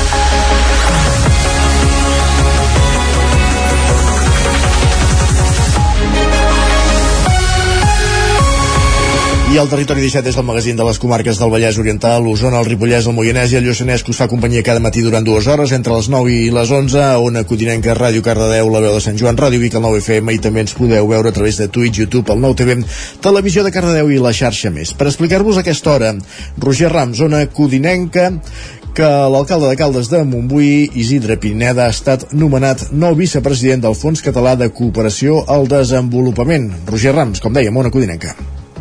Bon dia, sí, exacte. El Fons Català de Cooperació és una entitat que els darrers quatre anys ha estat presidida precisament per Pineda. En l'Assemblea General que s'ha celebrat ara fa uns dies a Barcelona, el cap de l'oposició d'Igualada, Jordi Quadres, ha pres el relleu a l'alcalde de Caldes al capdavant d'aquesta institució que ara, com dèiem, ha estat escollit vicepresident. Escoltem el balanç que fa Isidre Pineda de la seva presidència en aquesta entitat. Han estat quatre anys eh, que no han estat gens fàcils. Haurà estat un mandat molt marcat per l'esclat de la pandèmia i per les desigualtats que han generat eh, també amb els països on cooperen els ajuntaments catalans. Ha estat un, un mandat molt marcat també per l'esclat de la guerra d'Ucraïna i les seves conseqüències humanitàries. Eh, en aquest sentit, crec que el municipalisme català eh, doncs, pot estar orgullós de com va respondre la societat eh, des d'un punt de vista de solidaritat, especialment en els seus ajuntaments. A la seva intervenció, Pineda, a més, ha destacat que malgrat els darrers anys han estat complicats, ara ho sentíem, pel que fa als pressupostos de les institucions amb la pandèmia pel mig, els ajuntaments catalans han augmentat gairebé un 40% els diners que destinen a la cooperació. Algunes de les aportacions que s'han fet enguany des de l'Ajuntament de Caldes de Montbui han estat la donació de 2.500 euros per ajudar les víctimes del terratrèmol que va sacsejar al Marroc o 2.000 euros per les víctimes del terratrèmol al Kurdistan, el passat mes de febrer. La darrera ha estat anunciada aquest divendres i es tracta d'una donació de fins a 50.000 euros per projectes enfocats al reconeixement dels drets humans i del desenvolupament social i econòmic a Uganda i al Senegal. El Fons Català de Cooperació aplega totes les institucions catalanes, com ara ajuntaments, consells comarcals i les diputacions, que destinen una part del seu pressupost a ajudar països menys desenvolupats. Més qüestions, tornem cap a Osona perquè el ple de l'Ajuntament de Torelló aprova eh, les taxes i impostos per l'any que ve. El govern republicà tira endavant les ordenances amb el suport de Junts, la CUP i el PSC i voten en contra Sergi Vives, el nou FM. Els veïns de Torelló que visquin en un habitatge familiar passaran a pagar uns 40 euros més de la taxa d'escombraries l'any vinent. L'impost passarà dels 131,23 euros que es pagaven des del 2020 fins als 170,60. És la principal modificació de les ordenances fiscals per a l'any que ve que van aprovar dijous al ple de Torelló. Això ho explicava l'alcalde Marçal Ortuño. Una directiva europea que obliga a que l'any 2025 el preu de la taxa cobreixi el total del cost del servei. A més, durant aquest període canviarà de model, passant de contenidors convencionals a intel·ligents. L'augment, però, de la taxa no ve per aquesta via, ja que afecta tant a municipis que canvien aquest model, com nosaltres, a altres ho fan o que ja tenen implementat el porta a porta. A diferència de l'any passat, en què l'equip de govern no va trobar el suport de cap grup per aprovar les ordenances, aquesta vegada els republicans, que ja van començar a treballar les taxes i impostos abans amb tots els grups que han trobat el suport, han trobat el suport de Junts. La CUP i el PSC hi van votar en contra. Així ho argumentaven la copaire Maria Àngels Casals i la socialista Roser Roma. En uns moments difícils per tothom, no només per l'administració, on cada dia tenim més persones que tot i treballar no poden arribar a final de mes, creiem que en lloc d'ajudar-les encara carreguem més sobre ells amb impostos municipals i que si manquen diners es pot mirar est on estalviar reduir els sous dels càrrecs electes, gastar menys en coses que realment doncs, poden ser despeses superflues. Aquestes ordenances, la veritat, és que les hem pogut treballar. Hem pogut dir, hem pogut aportar més aviat poc, però hi, hem, hi han hagut alguns punts que hem tingut debat i un d'ells és l'increment de la recollida de deixalles. L'altra modificació és un augment de l'impost sobre béns immobles, l'IBI, que passa del 0,86% a l'1%. Més qüestions anem cap a, cap a Cardedeu perquè comença una nova edició dels COU, els pressupostos participatius juvenils de Cardedeu. Enric Rubio, Ràdio Televisió Cardedeu. Així és, Isaac. La PACI, el Casal de Joves de Cardedeu, posa en marxa un concurs de propostes basat en els pressupostos participatius juvenils, el COU. Està adreçat a joves d'entre 12 i 30 anys, que poden decidir a què destinar 8.000 euros del pressupost de joventut durant l'any 2024. S'hi poden presentar projectes, tallers remunerats o bé proposar una extraescolar gratuïta. Des del Casal han informat de que qui estigui interessat en participar ho pot fer fins al 25 de novembre, omplint el formulari i el parlant amb la PACI.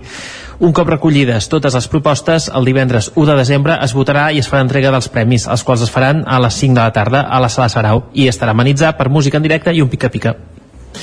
Més qüestions, tornem al Ripollès, perquè l'Horror Land del Ripollès David Moreno encara la seva sisena edició. Isaac Muntades, des de la veu de Sant Joan. Avui estàs molt ambientat amb la nit de Tots Sants.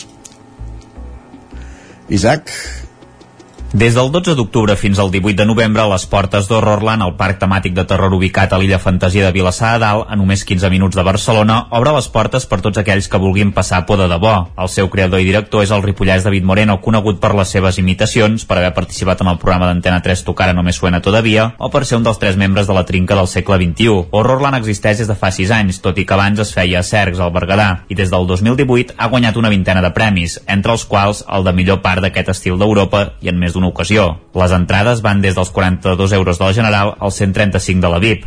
Hi ha un total de 7 cases encantades temàtiques, espectacles, festes, una zona de jocs, botigues, parades d'alimentació i tot plegat ambientat terroríficament amb monstres, dimonis, fantasmes, motosserres i tot l'imaginari de Halloween. Moreno explicava que tot està molt professionalitzat, però alhora és molt casolà. Intentem aportar tota la part, diguéssim, professional a nivell de decoració, tematització, d'actuació, del que seria un Universal Studios d'Orlando, amb la proximitat, el factor humà, al final la meva mare t'està venent un Frankfurt, el meu pare t'està tallant unes entrades, la família de la meva dona, la seva germana està en el punt d'informació, la meva germana és la que porta tot el tinglado, llavors, al final, tu què reps en un parc de terror? Reps amor. A Horrorland hi treballen unes 240 persones i cada any té un cost aproximat d'un milió i mig d'euros. El parc és famós arreu del món i ve gent de Finlàndia o el Japó, entre altres països.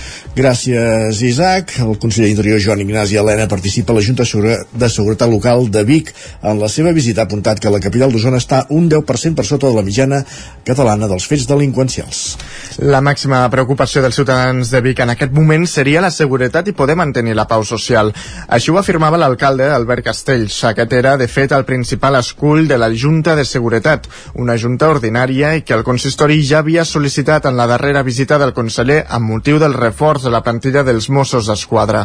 Tot i això, l'ordre del dia va ser extens perquè va comptar amb les inquietuds de tots els col·lectius participants. Bombers, Protecció Civil, Mossos d'Esquadra, agents rurals, policia local, policia nacional i guàrdia civil. La sensació d'inseguretat, segons les dades del departament, no es correspon a la realitat. Vic estaria per sota la mitjana delinqüencial de Catalunya, ho afirmava el conseller d'Interior, Joan Ignasi Helena. Catalunya estem entorn dels 77 delictes fets delictius per cada mil habitants, a Vic 70, 70 71. Estem un 10% per sota. Això a mi no em tranquil·litza gens. Senzillament em diu que hem d'anar en aquesta direcció, que hem de seguir per aquest camí. Però també és bo que els ciutadans ho sàpiguen. Tenim més policia local, tenim més Mossos, tindrem més policia local, tindrem més Mossos, tenim unes dades que ens acompanyen des del consistori també aprofitaven per reclamar al conseller un reforç de les plantilles i dels mitjans materials, ho deia l'alcalde Albert Castells. Més enllà de, del reforç de les plantilles i dels mitjans materials, que nosaltres també com a Ajuntament estem compromesos amb el reforç de la plantilla Guàrdia Urbana, estem en ple debat de, de pressupostos, serà un tema interessant també de, del pressupost de l'Ajuntament de Vic i sobretot una cosa que hem demanat a la conselleria, ens costa que el conseller hi està treballant, és en els canvis normatius. Eh? Això crec que també és una demanda de la societat però sobretot una demanda dels cossos policials eh, cal que la justícia millori per poder fer front eh, als reptes que tenim un d'aquest reforç podria passar per una segona comissaria dels Mossos a la comarca, una situació però que de moment està sobre la taula i sense resposta. El conseller d'Interior, per altra banda, qualificava la baralla amb arma blanca que va tenir lloc a la ciutat a principis de mes com a puntual i diu que en cap cas representa la situació que hi ha a Vic i Vic i Malleu s'adreixen aquest diumenge a la tarda a la convocatòria de concentracions en solidaritat amb el poble palestí, en concret per denunciar l'apagada de les comunicacions a Gaza i els atacs terrestres. Sergi Vives. A Vic unes 300 persones es van concentrar a les 5 de la tarda a la plaça Major. Després de la lectura del manifest i una intervenció musical de Ramon Redorta, es va donar el torno verd de paraula a través del qual la comunitat musulmana condemnava no al judaïsme, però sí al sionisme. A peu de carrer en parlava el pediatre biguetà i també palestí Ansami. Yo he comentado que hay una resolución de la Asamblea General de las Naciones Unidas fa dos días, no faltan, para aturar el foc i corredors humanitaris per ajudar a la gent de Gaza. Voten a favor 120 països, en contra 14. Les, les, entre cometes, les grans potències. Estas se atribuyen a la comunidad internacional y los 120 países no son comunidad internacional. Y es que, ¿dónde se entiende eso? Es la ley del más fuerte, es de la selva. Porque Israel, si no tingués el soporte de aquesta comunitat internacional que dius tu, no s'atreviria a fer això. En els darrers dies també hi ha hagut concentracions a Torelló i Centelles. És una roda que escalfa i no em deixa fer cap pausa. Potser no espai, si haig d'omplir-lo se mata. Una última abans de ser castigada. I així sona Filomena, el videoclip del nou disc, del disc de retorn de la mallauenca Paula Valls. El va fer públic divendres, el mateix dia que sortia el seu nou disc, el tercer anomenat Començar de nou, i posa en valor tot allò que es viu d'una manera íntima. Filomena precisament parla de l'anorèxia que ha patit en primera persona, un dels motius pels quals ha estat un temps apartada dels escenaris.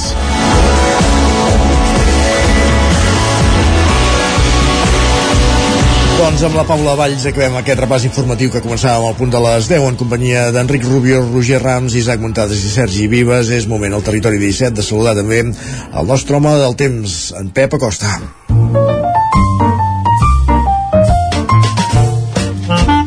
Casa Terradellos us ofereix el temps. Tornem a una codirenca, Pep. Plourà o no plourà avui? Hola, molt bon dia. Serà un dia eh, una mica tapat avui, bastant tapat, eh, molts núvols, però com torno a repetir, ben poca eh, precipitació. Les temperatures eh, aquesta nit han estat eh, una mica baixes, eh, han baixat, mínimes per sobre dels 10 graus cap al Pirineu, entre 10 i 15 graus cap a l'interior, només els jocs més càlids al prelitoral per sobre els 15 graus, però molts pocs jocs han sobrepassat els 15 graus. Eh, moltes, moltes temperatures per sota d'aquests eh, 15 graus. Eh, de cara a la tarda, eh, també eh, forces núvols, més puja cap a la del Pirineu Oriental, a casa nostra més puja en aquella zona, però només eh, es, es poden superar els 5-10 litres cap a aquesta zona, eh, cap al Pirineu Oriental. A les altres zones eh, ben, eh, ben poca cosa, si és que arriba a ploure, que ja, que ja veureu que ja ho veurem. I les temperatures màximes, um, la majoria entre els 15 i els 20 graus. Avui farà una mica més de fresqueta, que no passa cap de setmana, serà un ambient més fresc, més adient per l'època de l'any. I només queda dir-vos que, dir que disfruteu del dia, que aviam si aviam pertorbacions eh, que ens afectin i que aportin puja perquè si no el panorama eh, és realment molt molt preocupant. Eh, cada dia més el que passa que no, no se'n parla no, no, no, no estem eh, per la labor, sembla que no passi res però és, és molt, molt preocupant el tema. Moltes gràcies, fins demà. Adeu Adeu Pep, parlem demà, gràcies. Casa Tarradellas us ha ofert aquest espai. I del temps cap als esports.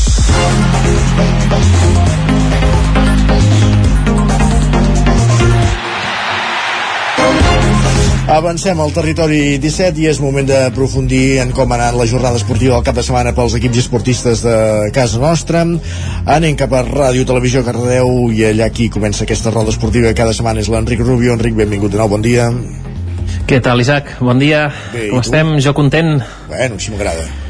Sí, ha estat una, una, una bona jornada. Sembla, sembla, pensava sembla que, que les... Pensava que ho deies perquè hi havia un festiu entre setmana. No era per això. No, no, mira, això realment eh, no, no és possible que inclús el treballi eh, perquè tinc coses acumulades, així que, que res, però sí que estic content perquè sembla que les espelmetes que vaig posar divendres, que us vaig comentar, han Sí? funcionat. Doncs va, on les poses, Sí, sí. aquestes espelmes, que ho sabrem? Mira, tota la ràdio. A tota la ràdio, entesos. Anem a veure, comencem amb les meves preferides. I que, per què ho són? Doncs perquè en, en fan cada bé cada dilluns i és que les noies de l'Embol Cardedeu ho han tornat a fer i han Molt tornat bé. a guanyar. I, Sí, sí, i aquí com ni més ni menys que en un dels derbis de la temporada, que no és senzill, aquí a la comarca ja se sap, i és que han jugat contra el Vilamajor, el que han guanyat 26 a 20. Això fa que vagin segones de, de tota la classificació. I encara amb l'handbol, però en aquest cas amb el masculí de Granollers, és a dir, el faking, eh, portem bones notícies també, i és que han guanyat el Puerto Segundo per 35 a 28. Molt bé. Les coses van posar passem al... Sí, sí, sí, uh, ja veuràs que, ja que ha estat una, una bona jornada. I ara passem al, al futbol, on no puc ignorar, on puc, perdona, ignorar patata al calenta del derbi T17, ja que la bona nova la diran Roger Rams, així que salto cap a la filial del Cardedeu, cap al segon equip, que ha guanyat també contra el Mollet 4 a 1. I seguint amb el futbol, però mirant cap al Granollers, us portem la, la victòria que aquests van aconseguir contra, contra el Mataró a la Lliga Elit, on van acabar el partit 1 a 3, o sigui que ja veus que uh, de moment anem, anem bastant ben servits. Molt bé. Sí, sí. Gràcies. Ah, això sí, hem de... Digues, digues. Ep, ens falta un petit amunt, que no és tan Digues. positiu. Ja ho podríem haver tallat, però no ha hagut tanta sort amb els del bàsquet de la capital ballesana i és que han perdut contra el Mataró a casa d'aquests per 77 a 91 i ara sí, deixo pas al, al nostre company. Roger Rams, que no, no sé si has, ens has espelmes a Ràdio Cardedeu, però si més no, pel que hem entès, el Caldes va guanyar el derbi que, davant el Cardedeu, eh? Sí, sí, sí, diguem que vinc a estroncar una mica aquesta alegria que ens arribava des d'un altre punt del Vallès. Gràcies, perquè, Enric. A vosaltres, fins ara, ànims. Fins ara, Enric. Ah, com, com comentàvem, eh, el, el, el, el tema més important, més rellevant d'aquest repàs serà efectivament el futbol a la primera divisió catalana. Recollim el que ha donat de si aquest duel de territori 17 entre Caldes i Cardedeu i és que el Caldes va apallissar per 6 gols a 1 als cardedeuencs en un partit absolutament dominat pels locals que de fet ja guanyaven per 4 a 0 a la mitja part. L'únic gol del Cardedeu va arribar de les botes de Gorka Garcia a l'inici de la represa. Amb aquest resultat, doncs, el Caldes és novè a la Lliga amb 10 punts, mentre que el Cardedeu és penúltim amb 3 punts i acumula ja 5 derrotes seguides. Més futbol, a la segona catalana, el Sant Feliu ha empatat a un gol aquest dissabte a domicili davant l'Olímpic Can Fatjó de Rubí. Aquest empat fa caure els codinencs algunes posicions i són ara mateix avant penúltims del grup 4 d'aquesta tercera catalana. Una classificació que està més que ajustada amb molts, molts equips empatats a punts. I per tancar el capítol futbolístic a la tercera catalana, el Mollà va sumar una nova derrota, en aquest cas per 3 a 2 al camp del Predenc. Un resultat gens bo pels moianesos, que es mantenen avantpenúltims de la taula, només 7 punts a les 7 jornades disputades, un, fred, un fet pràcticament increïble per un equip que l'any passat va quedar segon a la classificació a punt de tocar l'ascens. Doncs aquest canvi que estem veient en el Mollà. Parlem ara d'hoquei patins, perquè a l'hoquei Lliga masculina tenim victòria de molt mèrit del rec amb les arcaldes per dos gols a zero davant el Sant Just, en el que ha estat la primera victòria a domicili pels ballesans en aquesta passada vesprada. El conjunt local ha estat clarament superior durant tot el partit, amb jugades treballades i sobretot amb una actuació destacable del porter Arnau Ramírez. Els autors dels gols d'alcaldes han estat Biel Pujades, a falta de 14 minuts pel final, i Roger Preses de penal en els darrers 20 segons de partit. Aquesta ha estat la segona victòria consecutiva d'alcaldes que sumara 7 punts en 5 jornades a l'Hockey Lliga i és sisè. A l'Hockey Lliga Plata Nord, el Sant Feliu va aconseguir també la primera victòria d'aquesta temporada i també ho va fer a casa, superant per 4 a 0 al Tordera. Amb aquesta victòria els codinencs són també sisens a la classificació de l'Hockey Plata Nord i pel que fa al primer equip femení d'alcaldes, a la setena jornada de la Nacional Catalana va perdre per 1 a 6 davant el Palau, mentre que les noies del Vigues i Riells van superar per 4 a 0 al Sant Cugat. Gràcies, Roger. Fins Perfecte, ara. fins bon demà, dia. parlem. Fins demà. I avancem aquest recorregut, anem cap als estudis de la veu de Sant Joan. Isaac Muntades ben retrobat de nou. Bon dia de nou. Doncs mireu, comencem parlant de futbol perquè el grup 3 de la tercera catalana, la Badesenc, continua líder de la categoria amb 19 punts després de superar un mal partit per 3 a 1 al Sant Pons, que és el cué de la Lliga.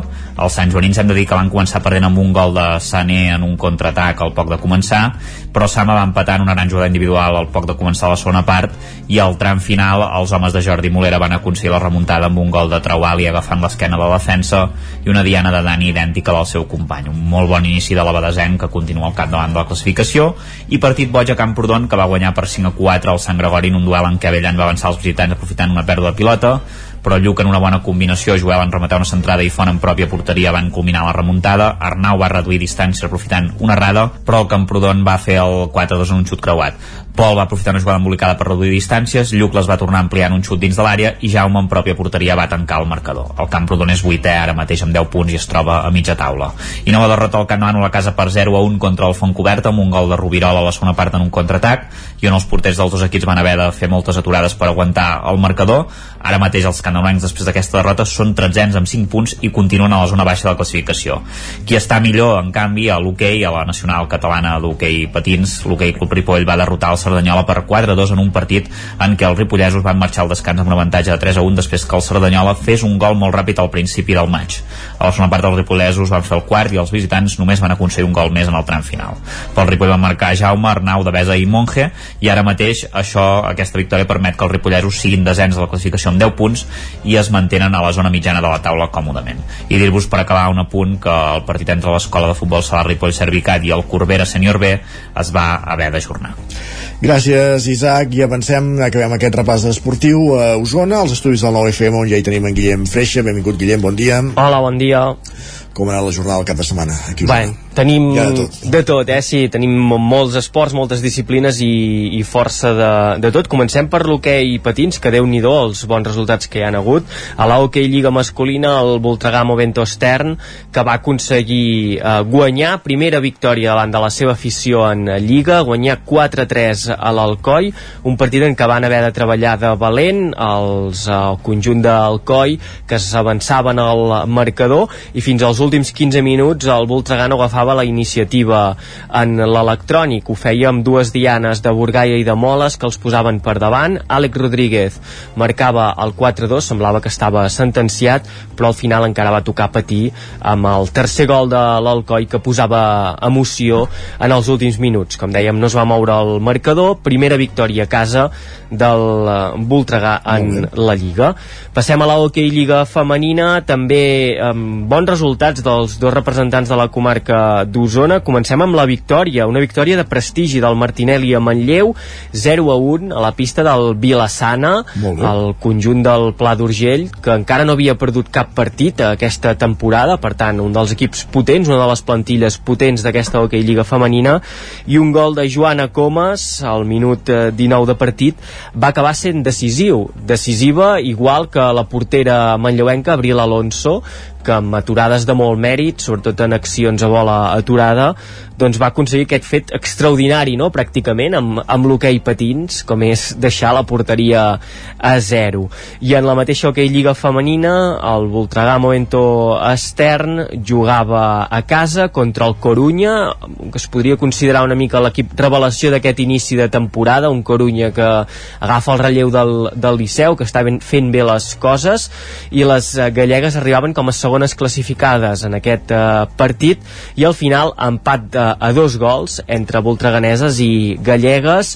Un Corunya que es va avançar en el marcador 0 a 2 en la primera meitat i en el segon temps va arribar la reacció de les jugadores de Sant Hipòlit amb eh, dues eh, dianes, una d'Ester Vistós i l'altra de Dana Anton que com dèiem els hi permetien sumar un punt, també punt de prestigi contra aquest Corunya que està fent bé les coses i encara amb l'esport de les quatre rodes, dels patins de quatre rodes en la Hockey Lliga Plata en el grup nord hi havia derbi usonenc s'enfrontaven el Martinelli a Manlleu i el uh, Patí Vic va acabar amb empat a 3, repartiment de punts en un duel que ho explicàvem en el bicentenari, en el 9-9, tot i no tenir el pòsit històric dels Vic Voltregà, doncs sí que va tenir tots els ingredients d'aquesta tipologia de partits, un molt bon ambient a la grada, dues mm -hmm. aficions entregades, gent de Vic que es va desplaçar a Manlleu, a l'afició del Manlleu que es va mobilitzar, i a la pista, doncs també la, la intensitat, la força dels dos equips, les ganes de, de voler-hi posar doncs, un plus més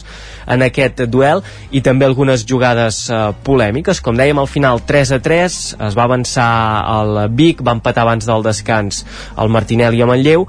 En la segona meitat es posava per davant una altra vegada el Vic, capgirava el resultat al Manlleu en el tram final i a falta de 12 minut, minuts arribava el 3 a 3 que ja seria definitiu tot i que hi va haver oportunitats a les dues uh, porteries perquè el marcador es mogués. Anem cap al futbol sortim a la gespa i ho fem amb un equip que està molt en forma en aquest moment de la temporada com és el Tona, sí. la Unió Esportiva de Tona, que aquesta setmana va guanyar al camp del Sant Cristòbal 1 a 3, ara mateix ja són 5 victòries les que suma el conjunt tonenc en, en aquesta tercera federació i això els situa en segon lloc en aquesta taula classificatòria just per darrere de l'Olot. A Terrassa contra el Sant Cristòbal, els tonencs que van fer un partit molt seriós, eh, molt ben posats en defensa, també aprofitant les oportunitats en atac en un terreny de joc sempre eh, complicat, s'avançaven amb gols de Didac i de Pijuan, escurçava diferències Otero a falta de 8 minuts però no calia patir perquè el eh, Tona estava amb les, amb les idees molt clares i encara va poder marcar el tercer obra d'Adrià Casanova, com dèiem un uh, Tona que està fent molt bé les coses en aquest moment de la temporada. A la Lliga Elite, la Unió Esportiva de Vic empat a un, milloren el joc uh, dels biguetans contra la Guinaueta, venien d'unes setmanes en què no s'aconseguia guanyar i tampoc es feia gaire joc, aquesta setmana doncs, es va fer un bon joc, però no n'hi va haver prou per superar la Guinaueta, una Guinaueta que va marxar massa premi de la ciutat de Vic amb aquest eh, punt i gràcies a aquest empat a un. I per últim en el futbol, el Manlleu, que recordàvem aquesta ratxa de sis eh, victòries consecutives, eh, en van parlar força la setmana passada i aquesta setmana doncs van, sí, frenats, frenats per al Blanes, empat a dos gols, un Blanes que arribava a Cué i va acabar marxant amb un punt. Pausa i tornem. El nou FM, la ràdio de casa, al 92.8. Quinzena Fira d'en Roca Guinarda a Olost. Aquest any serà bestial. La fira més loca de la comunitat autònoma de Catalunya. Vine a disfrutar-la. A! A! Del 3 al 5 de novembre, trobada de teatre de Centelles. Cada dia sessió de la cuina d'Arnold Wesker amb adaptació i direcció de Jordi Arqués i Besos de Carles Alberola i Roberto García amb direcció de Xavi Font. I diumenge també podreu participar al taller familiar amb mascarat de teatre. Horaris, informació i entrades a centelles.cat. La qualitat de les teves impressions és important per tu? Estàs cansat que els colors i les imatges no surtin com t'esperes? A Impremta Mater disposem de la tecnologia més avançada i els millors professionals per aconseguir impressions d'alta qualitat. Fem tota classe d'impresos amb acabats professionals. Llibres, catàlegs, revistes, tesis, calendaris, enquadernacions... I a més, disposem del servei d'impressió digital en gran format. Roll-ups, lones, pòsters i molt més. Impremta Mater. Ens trobaràs a la carretera de Sant Hipòlit 23 de Vic o impremtamater.com. Ser a prop vol dir veure les coses més bé. Apropa't al que t'interessa amb la xarxa Més. La teva plataforma audiovisual de qualitat, proximitat i gratuïta. Gaudeix dels continguts de més de 30 televisions locals i podcast quan, com i on tu vulguis. Entra a la xarxa més.cat i descarrega't l'app. L'infopodcast del 99 amb Sílvia Pedret. Cada dia et donem les claus de les notícies més rellevants de casa nostra. Vivim en una comarca que s'està demostrant pionera en trans... Desperta't cada dia amb l'infopodcast del 99. Aquesta setmana tornen a ser notícia els pantans perquè han baixat... El trobaràs a dos quarts de vuit del matí al 99.cat, Spotify, iVox i, si ho vols, te l'enviem directament al mòbil. Subscriu-te als canals de WhatsApp i Telegram del 99. Soc Sílvia Pedret. Comencem. Cada dimarts a les 11 de la nit, al 9 FM, repàs de l'actualitat esportiva a la banqueta. Territori 17. El nou FM 7. Som l'espai comunicatiu format per les comarques d'Osona, el Lluçanès, el Moianès, el Ripollès i el Vallès Oriental. Enric Rubio, Ràdio Televisió Cardedeu. Bon dia al grup. Cada matí, de 9 a 11, al 9 Roger FM. Zona codinenca. De la sanitat pública. L'actualitat de les nostres comarques i tot el has de saber abans de sortir de casa. Isaac Muntades, la veu de Sant Joan. Cada setmana Sant Joan. Cada matí, Pep Acosta, el nostre del temps. 17. Avui contents el 9 FM, el 9 FM, el 9 FM. En punt dos quarts d'onze al territori 17. I continuem aquest repàs esportiu que havíem deixat Guillem Freixa eh, amb el futbol, amb aquest empat del Manlleu que, trenca, que trenca aquesta dinàmica de sis victòries consecutives, però encara tenim més marcadors, eh? Sí, hem de dir, però el Manlleu encara continua líder i, òbviament, invicte, eh? encara no ha perdut cap partit aquesta temporada, va aconseguir aquest empat a dos contra el Planes. Fem un apunt també de la tercera federació femenina, on eh, en les últimes setmanes hem anat eh, veient aquest creixement del Vic Riu primer, aquest eh, cap de setmana, tercera victòria consecutiva en la Lliga, victòria al camp del eh, Sígul per eh, 0 a 1, eh, triomf a Badalona, i de nou amb Diana de Viena Massaller, que també està trobant porteria amb facilitat en aquesta arrencada de curs, un Vic Riu primer que ha anat escalant posicions des de la zona baixa, ara ja les veiem en novena posició, 11 punts, zona mitja de la taula i allunyant-se de la part eh, perillosa d'aquesta classificació. I per acabar, eh, tanquem amb el eh, bàsquet Vic, l'Universitat eh, de Vic, que va aconseguir una victòria plàcida a casa, 93 a 78 contra el Cornellà, un bàsquet Vic que des del primer quart eh, va agafar avantatges, va mostrar molt superior al conjunt cornellanenc, 32 a 18 en el primer parcial, ja es veu que pràcticament van encarrilar el triomf en aquests primers 10 minuts, el domini va continuar en el segon i en el tercer quart, i amb la victòria totalment al sac, a l'últim període sí que el Cornellà es va imposar, però com dèiem 93 a 78, un bàsquet Vic que ocupa la tercera posició, quatre victòries i només una derrota en aquest inici de Lliga, per tant es tornen a posicionar en la part alta de la classificació d'aquesta Lliga EVA. Gràcies, Guillem. No marxis gaire lluny, que avui et toca aguantar el xàfec a la tertúlia. Déu-n'hi-do. Territori 17. I no sé si X, no sé si Twitter, Guillem Sánchez també va carregat de tuits del clàssic, encara que va ser dissabte a la tarda, fa molt d'això ja. Mira, en parlarem d'aquí una estona perquè abans farem una, algun apunt d'alguna cosa més maca o més trista, no sé Ja. si que el, que el clàssic que és uh, el canvi d'hora també, que la gent Ah, està sí? molt a favor i molt en contra. Sí. Per exemple, la Marta que ens diu, em sembla que es faci fosc. Diu, això convida a la recolliment a casa, a fer activitats dins de casa, a sopar aviat i a dormir d'hora. Les persones que som europees del nord ja ens va bé aquest horari, sí a l'ordre i sí a la civilització. Per tant, aquesta noia on viu, perquè si és europea del nord, aquí no, eh? Però vaja, en fi. La Llucia ens hi afegeix, ens diu, en popular opinion, diu, m'encanta l'horari d'hivern. I això ha generat un debat en aquest mateix missatge, com per exemple en Marçal, que li respon i diu, però això ho resolies llevant-te una hora abans i ja està, no? Diu, pel dia a dia d'un país mediterrani eh, no funciona l'horari d'hivern, especialment pels nens. Diu, qui vol llum a dos quarts de set del matí i foscor a dos quarts de sis de la tarda? Diu, és horari de Mercabarna i prou, horari d'estiu i barbària, sisplau. Potser haurem de canviar horaris, doncs. O, o dinàmiques, no sé. I aquí s'ha produït, com dèiem, eh, aquesta mica de debat, per exemple, en el següent missatge que ens diuen cada dia des de fa dues setmanes la meva filla es lleva i pregunta però per què encara és de nit? No és de dia i no em penso llevar. Ja ho veus, els nens en saben força de la vida. També. Va, anem a comentar una mica d'esport. Som-hi. Va, comencem per el tuit de l'Agustí Danés, que m'ha fet gràcia avui també. Ja. Diu, sovint s'apela als valors de l'esport, però després d'un cap de setmana amb un Barça-Madrid de futbol i una Austràlia-Nova Zelanda de rugby, es veu que de valors n'hi ha tants com d'esports. Diu, el rugby guanya, ni s'encaren, ni protesten, ni se'n riuen. Diu, només juguen i competeixen. Carai. Per tant, s'entén que l'altre va per un altre camí, no? Sí. Va, en Gerard ens posa, tema, eh, ens posa un debat, ens posa un tema a debat, perdó, que encara donarà moltes voltes de la tertúlia, segurament. Ens diu, les declaracions de capità de Gundogan a la premsa em semblen collonudes. Diu, sempre i quan també ho hagi dit els, els companys dins del vestidor. Si més no, els deu haver arribat. Tu creus per això que els ha dit directament o... Estaria bé. O que tothom ho ha vist directament per... Home, té, té, per experiència té ascendent, per dir-ho. No? Jo hi veig. Va, l'Oriol també hi afegeix i diu lo de Gundogan, la rajada, no és en calent. Diu, està ben dutxat i molt em temo que el cabreig ve quan l'informen que té lliure fins dimecres. Ve del City i quan perds un clàssic que et donin 3 dies de festa no deu entendre res.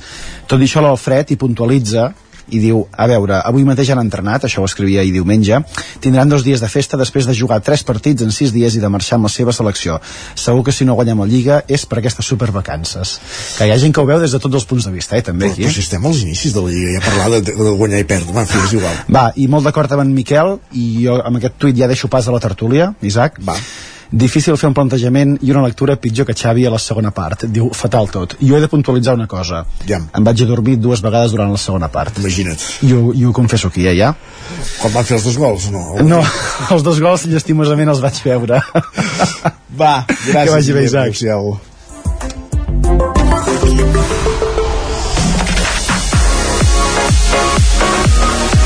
Territori 17. Doncs sí, ara és temps de tertúlia al Territori 17, quan passen 5 minuts de dos quarts d'onze del matí.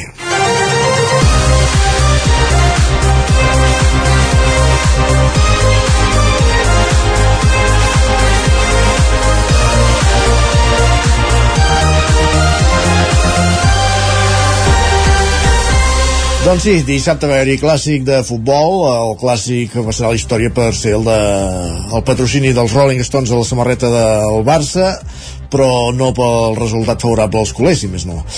Uh, Guillem Freixa, Isaac Muntades, Lluís de Planell, benvinguts una setmana més a la tertúlia. Avui l'Isaac deu estar eufòric. No, el, següent, que dirien, no? Molt eufòric. Sí, sí, estic molt content. La veritat. I en Guillem Freixa que ha vingut aquí a aguantar el xaparrón avui, eh? Sí, no, era, en, en Guillem Sánchez, que és molt futbolero, no ha fet l'amago de, ni de cagar. No, no, no, no, no, ha marxat, no, no. eh? Ha marxat.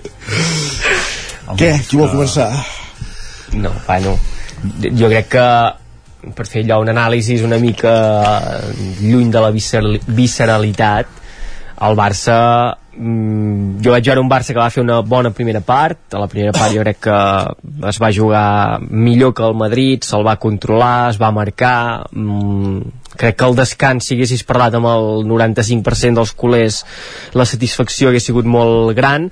I a la segona part mm, jo crec que es va veure que el Barça encara és un equip eh, que no és madur per, per poder competir aquests partits contra equips ja fets, no? perquè el Madrid jo crec que és un equip mm, molt fet de, de les últimes temporades sí que ha anat eh, perdent peces però n'hi han arribat que també li, li funcionen penso per exemple amb, amb Benzema no? que, que l'ha perdut aquesta temporada però ha arribat Bellingham que li està cobrint aquesta, aquesta part golejadora i el Barça mm, primer dir això no? que d'entrada vam sortir amb, amb, amb un 11 amb diversos jugadors que a principi de temporada pràcticament n'hi comptat, no? perquè Ferran Torres va sortir titular, eh, Fermín va sortir eh, de titular, eh, al mig del camp no hi havia De Jong, que ha de ser un jugador titularíssim en aquest Barça, es, es va competir bé, però com dèiem, a la segona part jo crec que se'ls hi va acabar una mica la gasolina, els canvis doncs potser tampoc van ser eh, encertats, van sortir jugadors que mm, surten de lesions i que no estan per competir a un, a un nivell tan exigent com el que,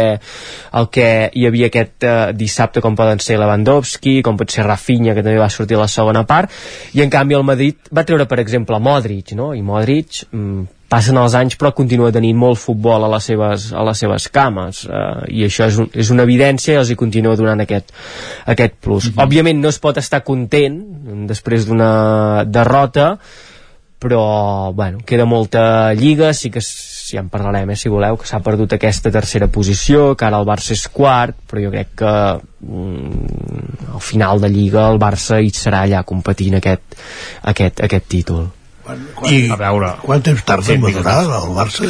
No, Perquè bueno... fa 3 o 4 anys que parleu de, que no està madur. No, però tenir tots els jugadors, no? Pedri, De Jong, o sigui, és diferent sortir a competir. Com el Madrid, que no els tenia tots. Però al Madrid qui li faltava? Home, li falta el porter titular i li falta el defensa central titular. Sí, però no, per és, exemple, no, no, no és Entre jugadors del pes de Pedri, Lewandowski, De Jong... Ah, vale. Courtois Home. no és un jugador de pes. Vale, vale. Bueno, No, sí, no, no, tens Kepa, eh? Vull dir, Kepa no, no és el Kepa, porter... ostres, Kepa.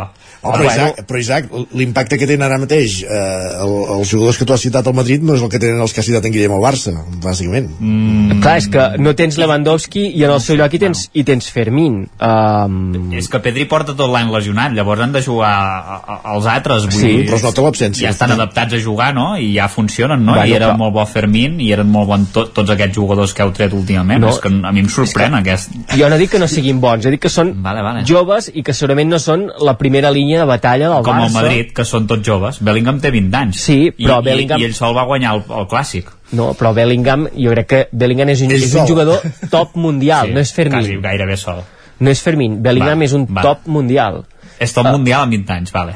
sí, sí, a veure, sí, n'hi ha d'aquests futbolistes i tots Sí, sí, sí, sabem. no, no. Ah, Fermín jo- no és un top mundial, Fermín és un bon jugador de futbol però no, Vale. Fermín no, no vaja, no sé, ara No, aquí això que quedi a la maroteca del 9FM però Fermín jo crec que no optarà a no sé, a, a una pilota d'or no optarà a guanyar un mundial amb, bueno, si, amb la selecció no ho sé, però vull dir que jo crec que no serà un jugador top d'un equip top un equip eh, de primeríssima línia Si la rematada, Fermí, en lloc d'anar al palma dintre, eh, parlaria d'una altra manera.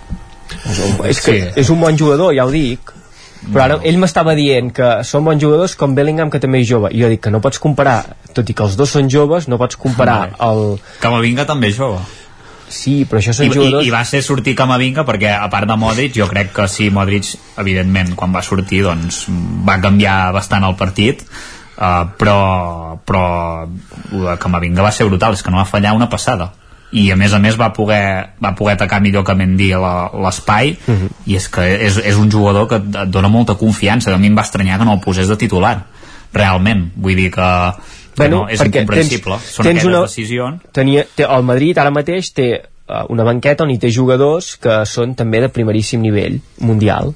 Mm, ja està. Vull dir, és, és, és Ja això. està, bueno, no, no. no. Jo, jo, jo, jo crec que el Madrid a la segona part coincidia bastant amb l'anàlisi eh, d'en Guillem, que la primera part jo penso que tampoc va ser el Barça un control absolut, vull dir, va estar una mica millor, però tampoc va sotmetre el Madrid, no recordo excessius xuts, poder va xutar tres, tres vegades o així, vull dir, el xut de Fermín al pal, em sembla que el gol i poca cosa més. No recordo ara un avasallament allò absolut. No, avasallament i a no. la segona part el Madrid va ser molt millor.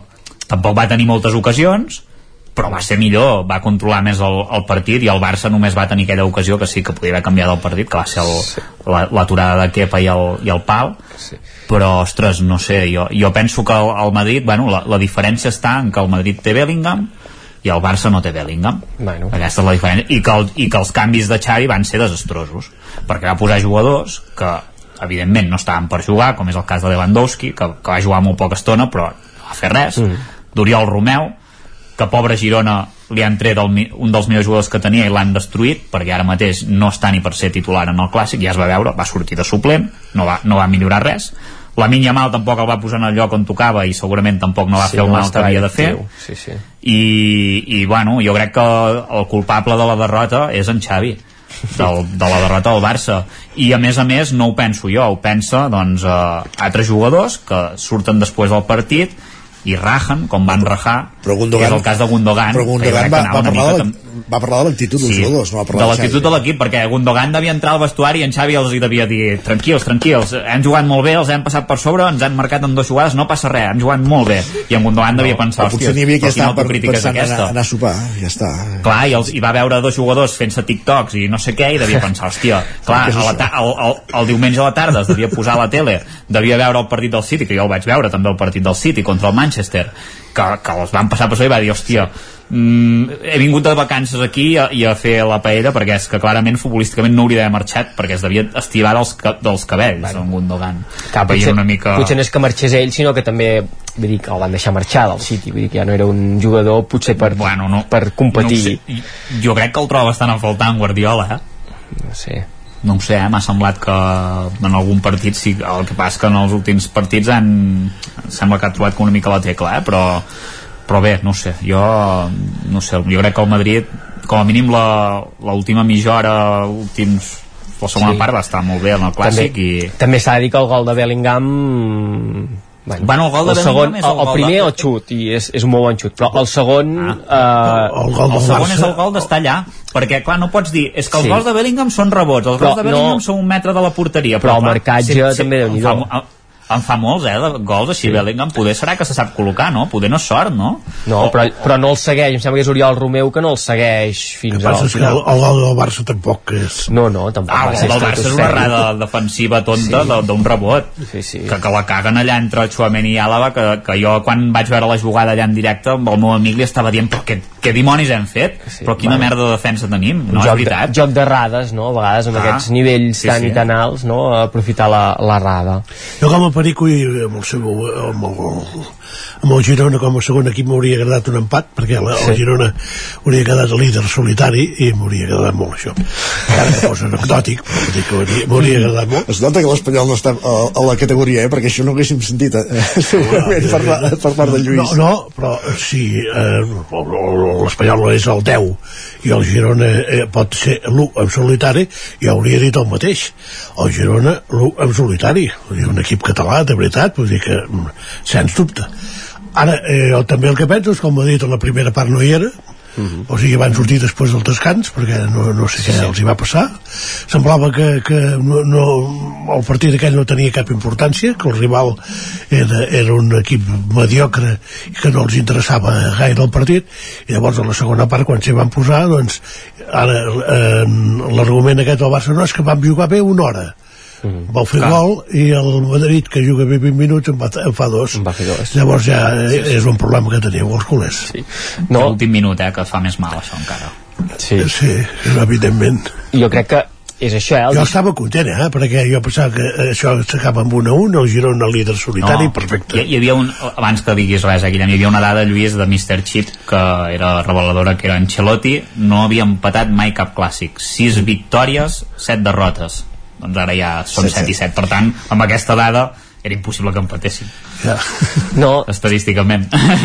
i, i sí que és veritat aquest... Les que- estadístiques hi són per trencar-les. Va, Isra, Sí. Guillem. No, que jo, mm, jo sóc partidari que perquè arribin els títols al Barça doncs hi ha d'haver bon joc, que s'ha de fer bon joc, que és, és una mica aquesta singularitat del Barça, no? que, que no sap guanyar eh, des d'una vessant resultadista, sinó que si tu mires tots els projectes que han triomfat al Barça han anat acompanyats de, de, de molt bon joc, però sí que no es pot caure també en la complaença aquesta de, de bueno, és que vam jugar bé 60 minuts i, sí, sí, i, i al final vam acabar perdent. No, Isaac, jo això ho dic perquè el Madrid ha guanyat Champions fent temporades mediocríssimes, vull dir, eh, i ha acabat guanyant Champions. Champions. Sí, sí, això ho sabeu Clar. fer, no, no, res a dir. El Barça Sí, sí. això no ho sap fer. Bueno, són maneres de... no sé, no sé què passa, però, però això ha passat, vull dir... Aquesta temporada ha jugat algun partit maco el Barça. El Barça... Sí, Algun sí partit que contra valia el, la el pena? totpoderós Anvers, doncs, Lluís. Amb Bueno. l'Anvers i, el, i el Betis. No, però ha tingut estones de Ja bon està. joc, de remuntades... Eh, Però ja va jugar bé. Bueno, però s'ha de fa, jugar fa bé. dies que no, eh? Ara- No, i, I la Lliga de l'any passat es va guanyar amb uns a zeros, eh? Sense... Sí, sí, Sí, és que el Barça diu no, som resultadistes i això, i quants partits... I aquest Bueno, any però n'ha guanyat? Un a com zero arribes a l'1 a 0 també Com a mínim ha, en venen dos al cap o tres. però hi ha molts camins per arribar Sí, a sí. l'1 a 0 vull dir que Ah, sí, pots, vale, vale. pots sí, guanyar marcant un gol. És el camí No. per arribar a l'1 a 0. No, però- Fent un gol i que no te'n facin. ja m'entens pots, pots Això guany- últim és important, també. Sí, Sí. sí, pots guanyar 1 a 0 eh, ficant-te penjat del pal i esperant allà que tenir una oportunitat al contraatac o pots guanyar 1 a 0 doncs proposant eh, joc, volent la possessió pressionant a dalt quan defenses bueno, hi ha maneres de fer. I a vegades o, o, o normalment quan fas aquesta segona cosa acabes guanyant per més d'un a 0 ara al Barça no, no li surt però jo crec que mm, tard o d'hora eh, sortirà mm, El Madrid a mi em va sorprendre la primera part pel poc interès que semblava no hi anaven i el Barça jo vaig veure una gran diferència entre el Barça per, per entendre'ns de Guardiola i, i el Barça actual. El Barça de Guardiola corria la pilota i ara han de córrer els jugadors, Els jugadors. i llavors esclar, això sobretot eh, als últims a l'última mitja hora de partit es nota. Sí, sí. i si els jugadors són joves eh, com alguns perquè esclar parleu de que eh, un equip molt jove però esclar us en tenia uns quants que no són tan joves però bé, deixem-ho així de moment eh, eh, però eh, vull dir si has de córrer durant eh, una hora llavors l'últim eh, a l'últim Sí, sí. tram del partit doncs les, les passes punyeteres que és el que li va passar al Barça sí. I, i que això, eh, que l'è- l'època Guardiola se- serà una ombra molt allargada amb el barcelonisme, perquè allò que es va viure és extraordinari. Ara perquè han tancat Barça TV, però eh, quan hi havia Barça TV ara aquestes últimes setmanes passaven rep eh, reposicions de partits del Barça i, clar, eh, vull dir, aquella velocitat de pilota, aquella manera de jugar és que jo crec que no n'érem conscients del que estàvem vivint quan passava. I ara ho veus amb els anys i dius, hosti, però eh, com, com pot anar d'aquesta manera la, la pilota eh, d'un cantó a l'altre, canvis de joc eh, de cop una conducció d'en Messi? Vull dir una cosa estratosfèrica. I que aquesta sombra serà molt allargada. I que també és molt del Barça no? eh, aquesta lamentació de "És que això no és el mateix no, no serà el mateix, segur que no serà el mateix, serà una altra cosa, però dins d'aquesta altra cosa intentar mm, doncs això, que hi hagi nanos d'aquests com en Fermín, com en la Yamal que vagin agafant l'alternativa, que es vagin Guillem, consolidant Guillem, Guillem, aquests nanos hi són perquè no hi ha calés per fitxar Bueno, ningú més doncs ens hem d'adaptar a això. no, però és així, és això, eh? Dir, eh, Mm. Tu ho saps, perquè eh, el Barça ha passat tota la vida. Bueno. ha, ha debutat algun nano i ha, Però- ha, ha, ha fet un, un No, trosset del partit i ha però amb en. Guardiola se'ls va, eh, eh, es, es van creure tot un seguit de jugadors es van creure un Busquets, un Iniesta, un Xavi un, un Pedro cap, per exemple, Xavi i Iniesta em pots dir, eren jugadors això que dèiem, jugadors top però per exemple en Busquets i Pedro són jugadors que tenien tots els números d'acabar jugant a segona divisió B En Pedro... Oh, home, Tenien- segona divisió B tampoc poder, eh? Uh, I Ah, tant. Sobretot en el Si cas no de arriba- Busquets.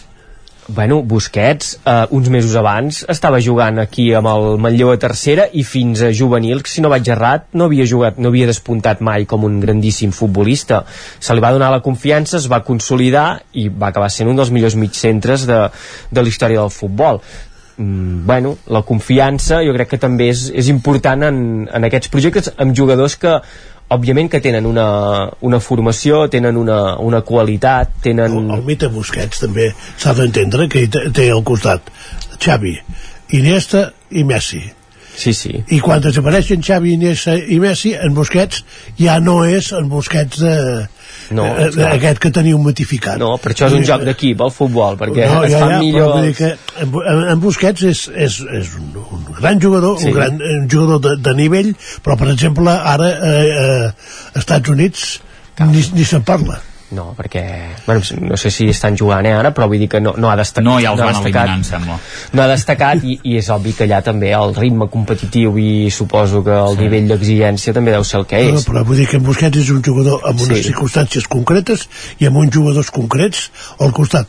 Quan van desaparèixer a l'última temporada amb Busquets en el Barça va ser bastant discreta, eh? Sí, bueno, esclar, l'edat, el Bueno, desgast, les l'última i alguna abans, eh, també. Sí, sí, sí. Però- a, a la que pleguen Busquets i Xavi, sobretot sobretot ai, eh, Sí, Iniesta sí. i Xavi Mhm, ja, Iniesta i en, en Busquets ja, ja, ja, ja no, no bueno, ho tan calats I clar, a eh? darrere tenir un Piqué i un Puyol que eren, diguem, els seus guardaespatlles amb totes les de la llei, és que, clar, és obvi que si és un esport d'equip, el que tens, l'ecosistema que tens a l'entorn et fa, et fa molt, molt millor. Però jo el que vull dir és que, mm, sense voler que siguin Pedro o Busquets, però aquests jugadors, eh, és veritat que són equip perquè segurament no hi han calés, però que també se'ls ha d'anar donant l'alternativa amb aquests futbolistes i que n'han d'anar sortint d'aquests eh, jugadors que, que poden destacar. Ara s'ha parlat molt de Marc Guiu, no?, aquesta última setmana. Mm, Marc Guiu, bueno, està en una posició molt complicada per això que dius, perquè a la mínima que hi hagin calés,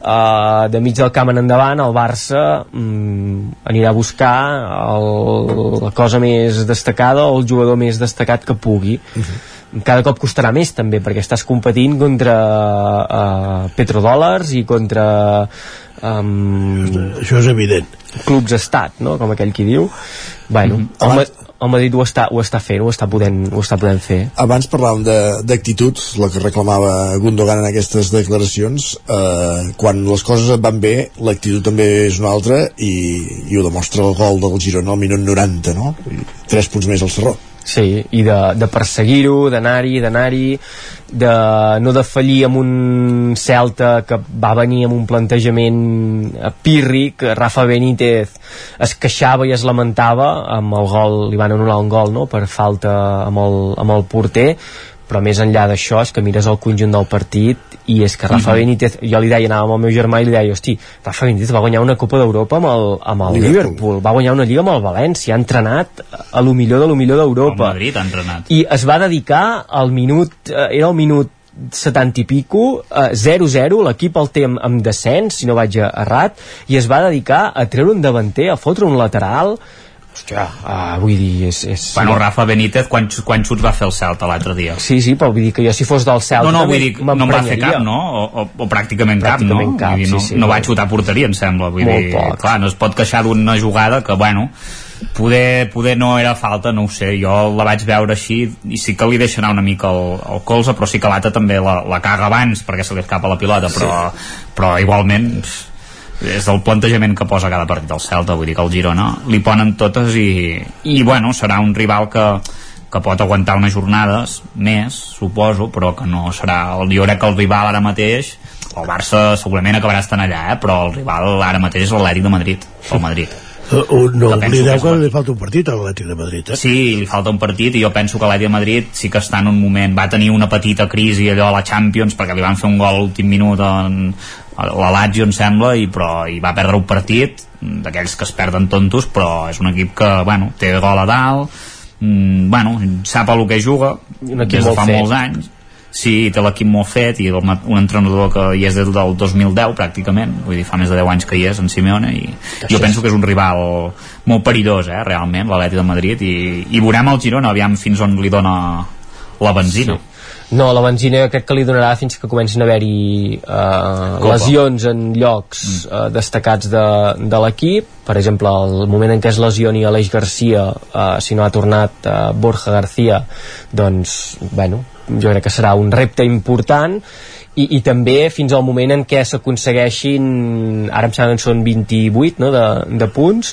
Els punts de la salvació no? sí, fins que s'acostin a la ratlla dels 40 això ja, això ja ha passat a l'història però, no, jo però jo, ho que- dic, jo dic en el sentit de, de mantenir-se dalt, eh? que quan arribin a 38, si ara fan, jo que sé, en les 5 pri- properes setmanes fan aquests 10 punts i es situen amb 40 punts, ara abans de Nadal, eh, que no hi hagi una descompressió i... i... Hosti, jo penso que ha de ser al revés, eh, Guillem? Que si Ostres. veuen que tenen la feina feta, jugues amb menys pressió. A les últimes 5 jornades, en el cas que el Girona us ima imaginem-nos una cosa que no me l'imagino ara, que és que estigui lluitant per la Lliga a falta de 5-6 jornades, tipus Leicester, l'any del Leicester. Llavors sí que et poden pesar les cames de dir, hòstia, mal d'altura. Però si no, la pressió jo crec que és menor. És a dir, quan tens la feina feta perquè és un equip que en principi lluita per salvar-se, ara la milonga aquesta no ens ho creiem, eh? Perquè l'equip ja està salvat pràcticament, li queden 4 partits, ha de guanyar 4 partits en tota la Lliga. I ja, ja ho té fet. Vull dir que llavors, mm, bueno, jo penso que al contrari, jugues més, més suelto, no? Poder. I el partit de dissabte va ser força dolent eh? entre altres coses Sí, sí. perquè el Celta no va proposar No, no, és que no- I llavors esclar necessites, que al contrari també eh, eh, arrisqui una mica perquè tu puguis entrar no hi havia, cap, no hi havia continuïtat Eh, vull dir, va, va ser, va ser va, va, bastant lamentable l'actitud del Celta Mhm. i justifica bastant la classificació que, que té ara en aquests moments eh? I l'Espanyol, Lluís, eh, derrota amb l'Sporting i sortint de les places de descens. Entenem que és una anècdota del moment, no? Sí, suposo. Uh, ja no sé, ja no sé què pensar, vull dir que quan veus uh, que juguen d'aquella manera tan horrorosa, eh, penses que, que bueno, que, que que aviam si no els hi va res amb ells, els jugadors, perquè és, és autènticament increïble. També et falta un Gundogan, ja ho veig. Uh, no, no. Jugadors veterans ja en tenim. El, el, que, el que falta és una mica d'ordre a la defensa, sobretot, perquè eh, ens hem quedat sense lateral dret perquè ja, ja, ja es veu que el, el que ara juga eh, eh, continua fent regals com feia abans i llavors vull dir que l'Òscar Gil a la, a la dreta i en, en Brian Olivan que no està per la, per la feina a l'esquerra i els dos centrals que mm, passi passi eh, llavors vull dir no, no, no anirem bé de cap manera però bueno hi som a temps de, de tot i podem arreglar i, i aquí no es tracta de, ni de quedar de primer vull dir que es tracta de pujar i si és com a segon tal i fot Lluís de Planell, Isaac Montades, Guillem Freixa, moltíssimes gràcies una setmana més. Adéu, bon, dia. Vosaltres, adéu, bon dia. Acabem la tertúlia, acabem el territori 17 i tornem demà a les 9, com cada dia. FM, Ona Codinenca, Ràdio Cardedeu, Ràdio Vic i La Veu de Sant Joan, amb el suport de la xarxa. Fins demà, gràcies per ser un dia més. Bon dilluns.